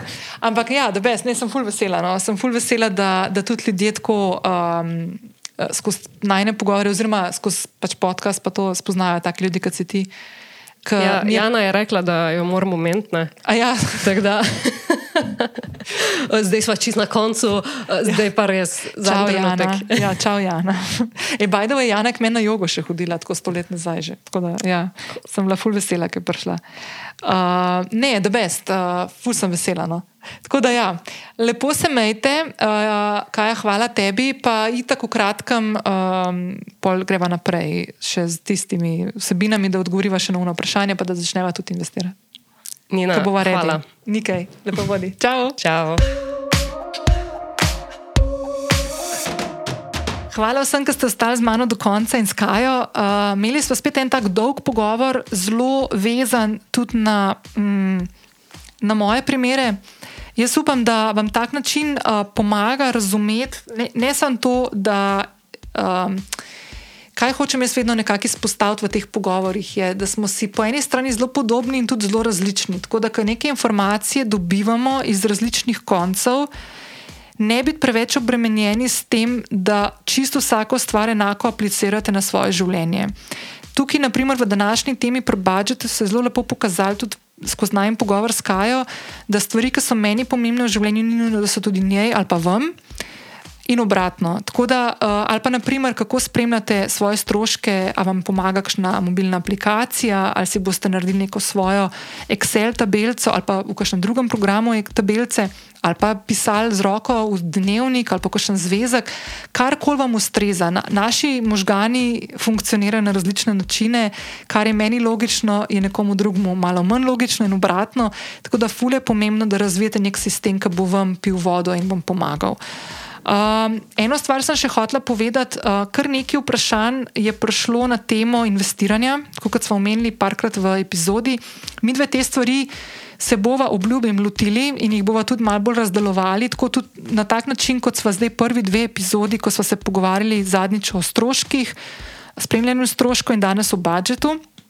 Jaz bom naslonila debate tudi prihodnje s Kajo na to, da bom iz svoje perspektive, kako sem se jaz učila, kakšnih stvari in kaj je meni odpiralo neko novo polje razumevanja, se bom tudi na tak način lotevala naslednjih tematik. Zdaj s Kajo imamo vsaj dve temi še odprti. Um, ena tema, ki se bo dotikala tudi investiranja no? in, in vseh ostalih stvari, o katerih smo že govorili je to, kako lahko spremenjamo naša omejitvena prepričanja, ki jih imamo v denarju, um, kako jih, um, kako jih uh, razumemo, kako vemo, odkje prihajajo, kako jih začnemo spremenjati. Naprimer, en tak tipičen primer omejitvenega prepričanja, ki ga imamo tudi v delovnem zvezku, uh, kako presežemo omejitvena prepričanja, je. Uh, nikoli ne bom toliko zaslužila ali pa zaslužil, da bi lahko živela tako, ali pa živeti tako, kot si želim, ali pa zaslužim, dobro lahko zaslužim samo če zelo garam, uh, pa se odpovedujem vsem ostalim stvarem, ki so mi pomembne v življenju. Uh, ali pa uh, jaz tega nisem sposobna narediti, pa zaslužiti toliko denarja. Pač en kup enih omejitev, ki jih imamo, ki smo jih običajno že prenesli iz svojega otroštva z opazovanjem svoje okolice, svojih staršev, starih staršev in tako naprej. To so neke take stvari, ki ostanejo z nami v življenju in se jih ne moramo znebiti, če se jih najprej ne zavemo in jih začnemo tako strukturirano, sistematično spreminjati. Mimo grede, omejitvena prepričanja je enostavneje spreminjati kot strahove. Strahovi so bistveno bolj zakorenjeni, čeprav včasih se nam zgodijo kasneje v življenju, kot naprimer omejitvena prepričanja, ki večinoma nastanejo v zgodnem otroštvu. Uh, tako da to je ena taka stvar, ki bomo tudi se kar lotili, smo tudi danes že kar nekaj govorili o tem. Jaz sem predvsem govorila no, o kakšnih stvarih, ki so me skrbele, naprimer tudi konkretno to o, o najemu poslovnega prostora in tako naprej, ne, in dodatnih stroških, ki se bojo naredili, ali bom to zmogla, ali sem sigurna, kaj pa če bi še malo počakala. To so neki te strahovi, pa prepričanje, da mogoče pa to meni ne bo šlo skozi. Uh, in se nekako vračaš ob teh odločitvah, ki jih prvič v življenju sprejemaš v neke stare vzorce. In potem definitivno tudi investiranje. No? Tako da to ne se bati, tudi to bomo še veliko govorili, tudi o vrčevanju bomo še govorili o tej razliki med investiranjem in vrčevanjem in se dotikali določenih tematik na tem dveh področjih, ki jih mogoče zdaj še nismo. Tako da vsa ta tista vprašanja, ki so prišla na temo uh, grajenja nekega um, zaledja za pokojnino, ali pa kako začnem investirati, da, bomo, da bom imela čim boljše donose, kaj se bolj splača, kripto, skladi in tako naprej. Vse te stvari se bo vas kaj lotili v eni od prihajajočih epizod. Jo bom tudi uh, o, o, naznanila, predvsem na svojih družabnih omrežjih, tako da spremljate me tudi tam, če me še ne ker vam bom dala tudi možnost, da postavite vprašanje, tako kot sem jo dala tudi zdaj za današnjo epizodo, ki se ravno kar zaključuje. Tako da hvala še enkrat, uživajte lep vikend, če to poslušate v realnem času, v petek, ko to izdajam, ali pa lep katerkoli dan pride jutri. Čau, čau!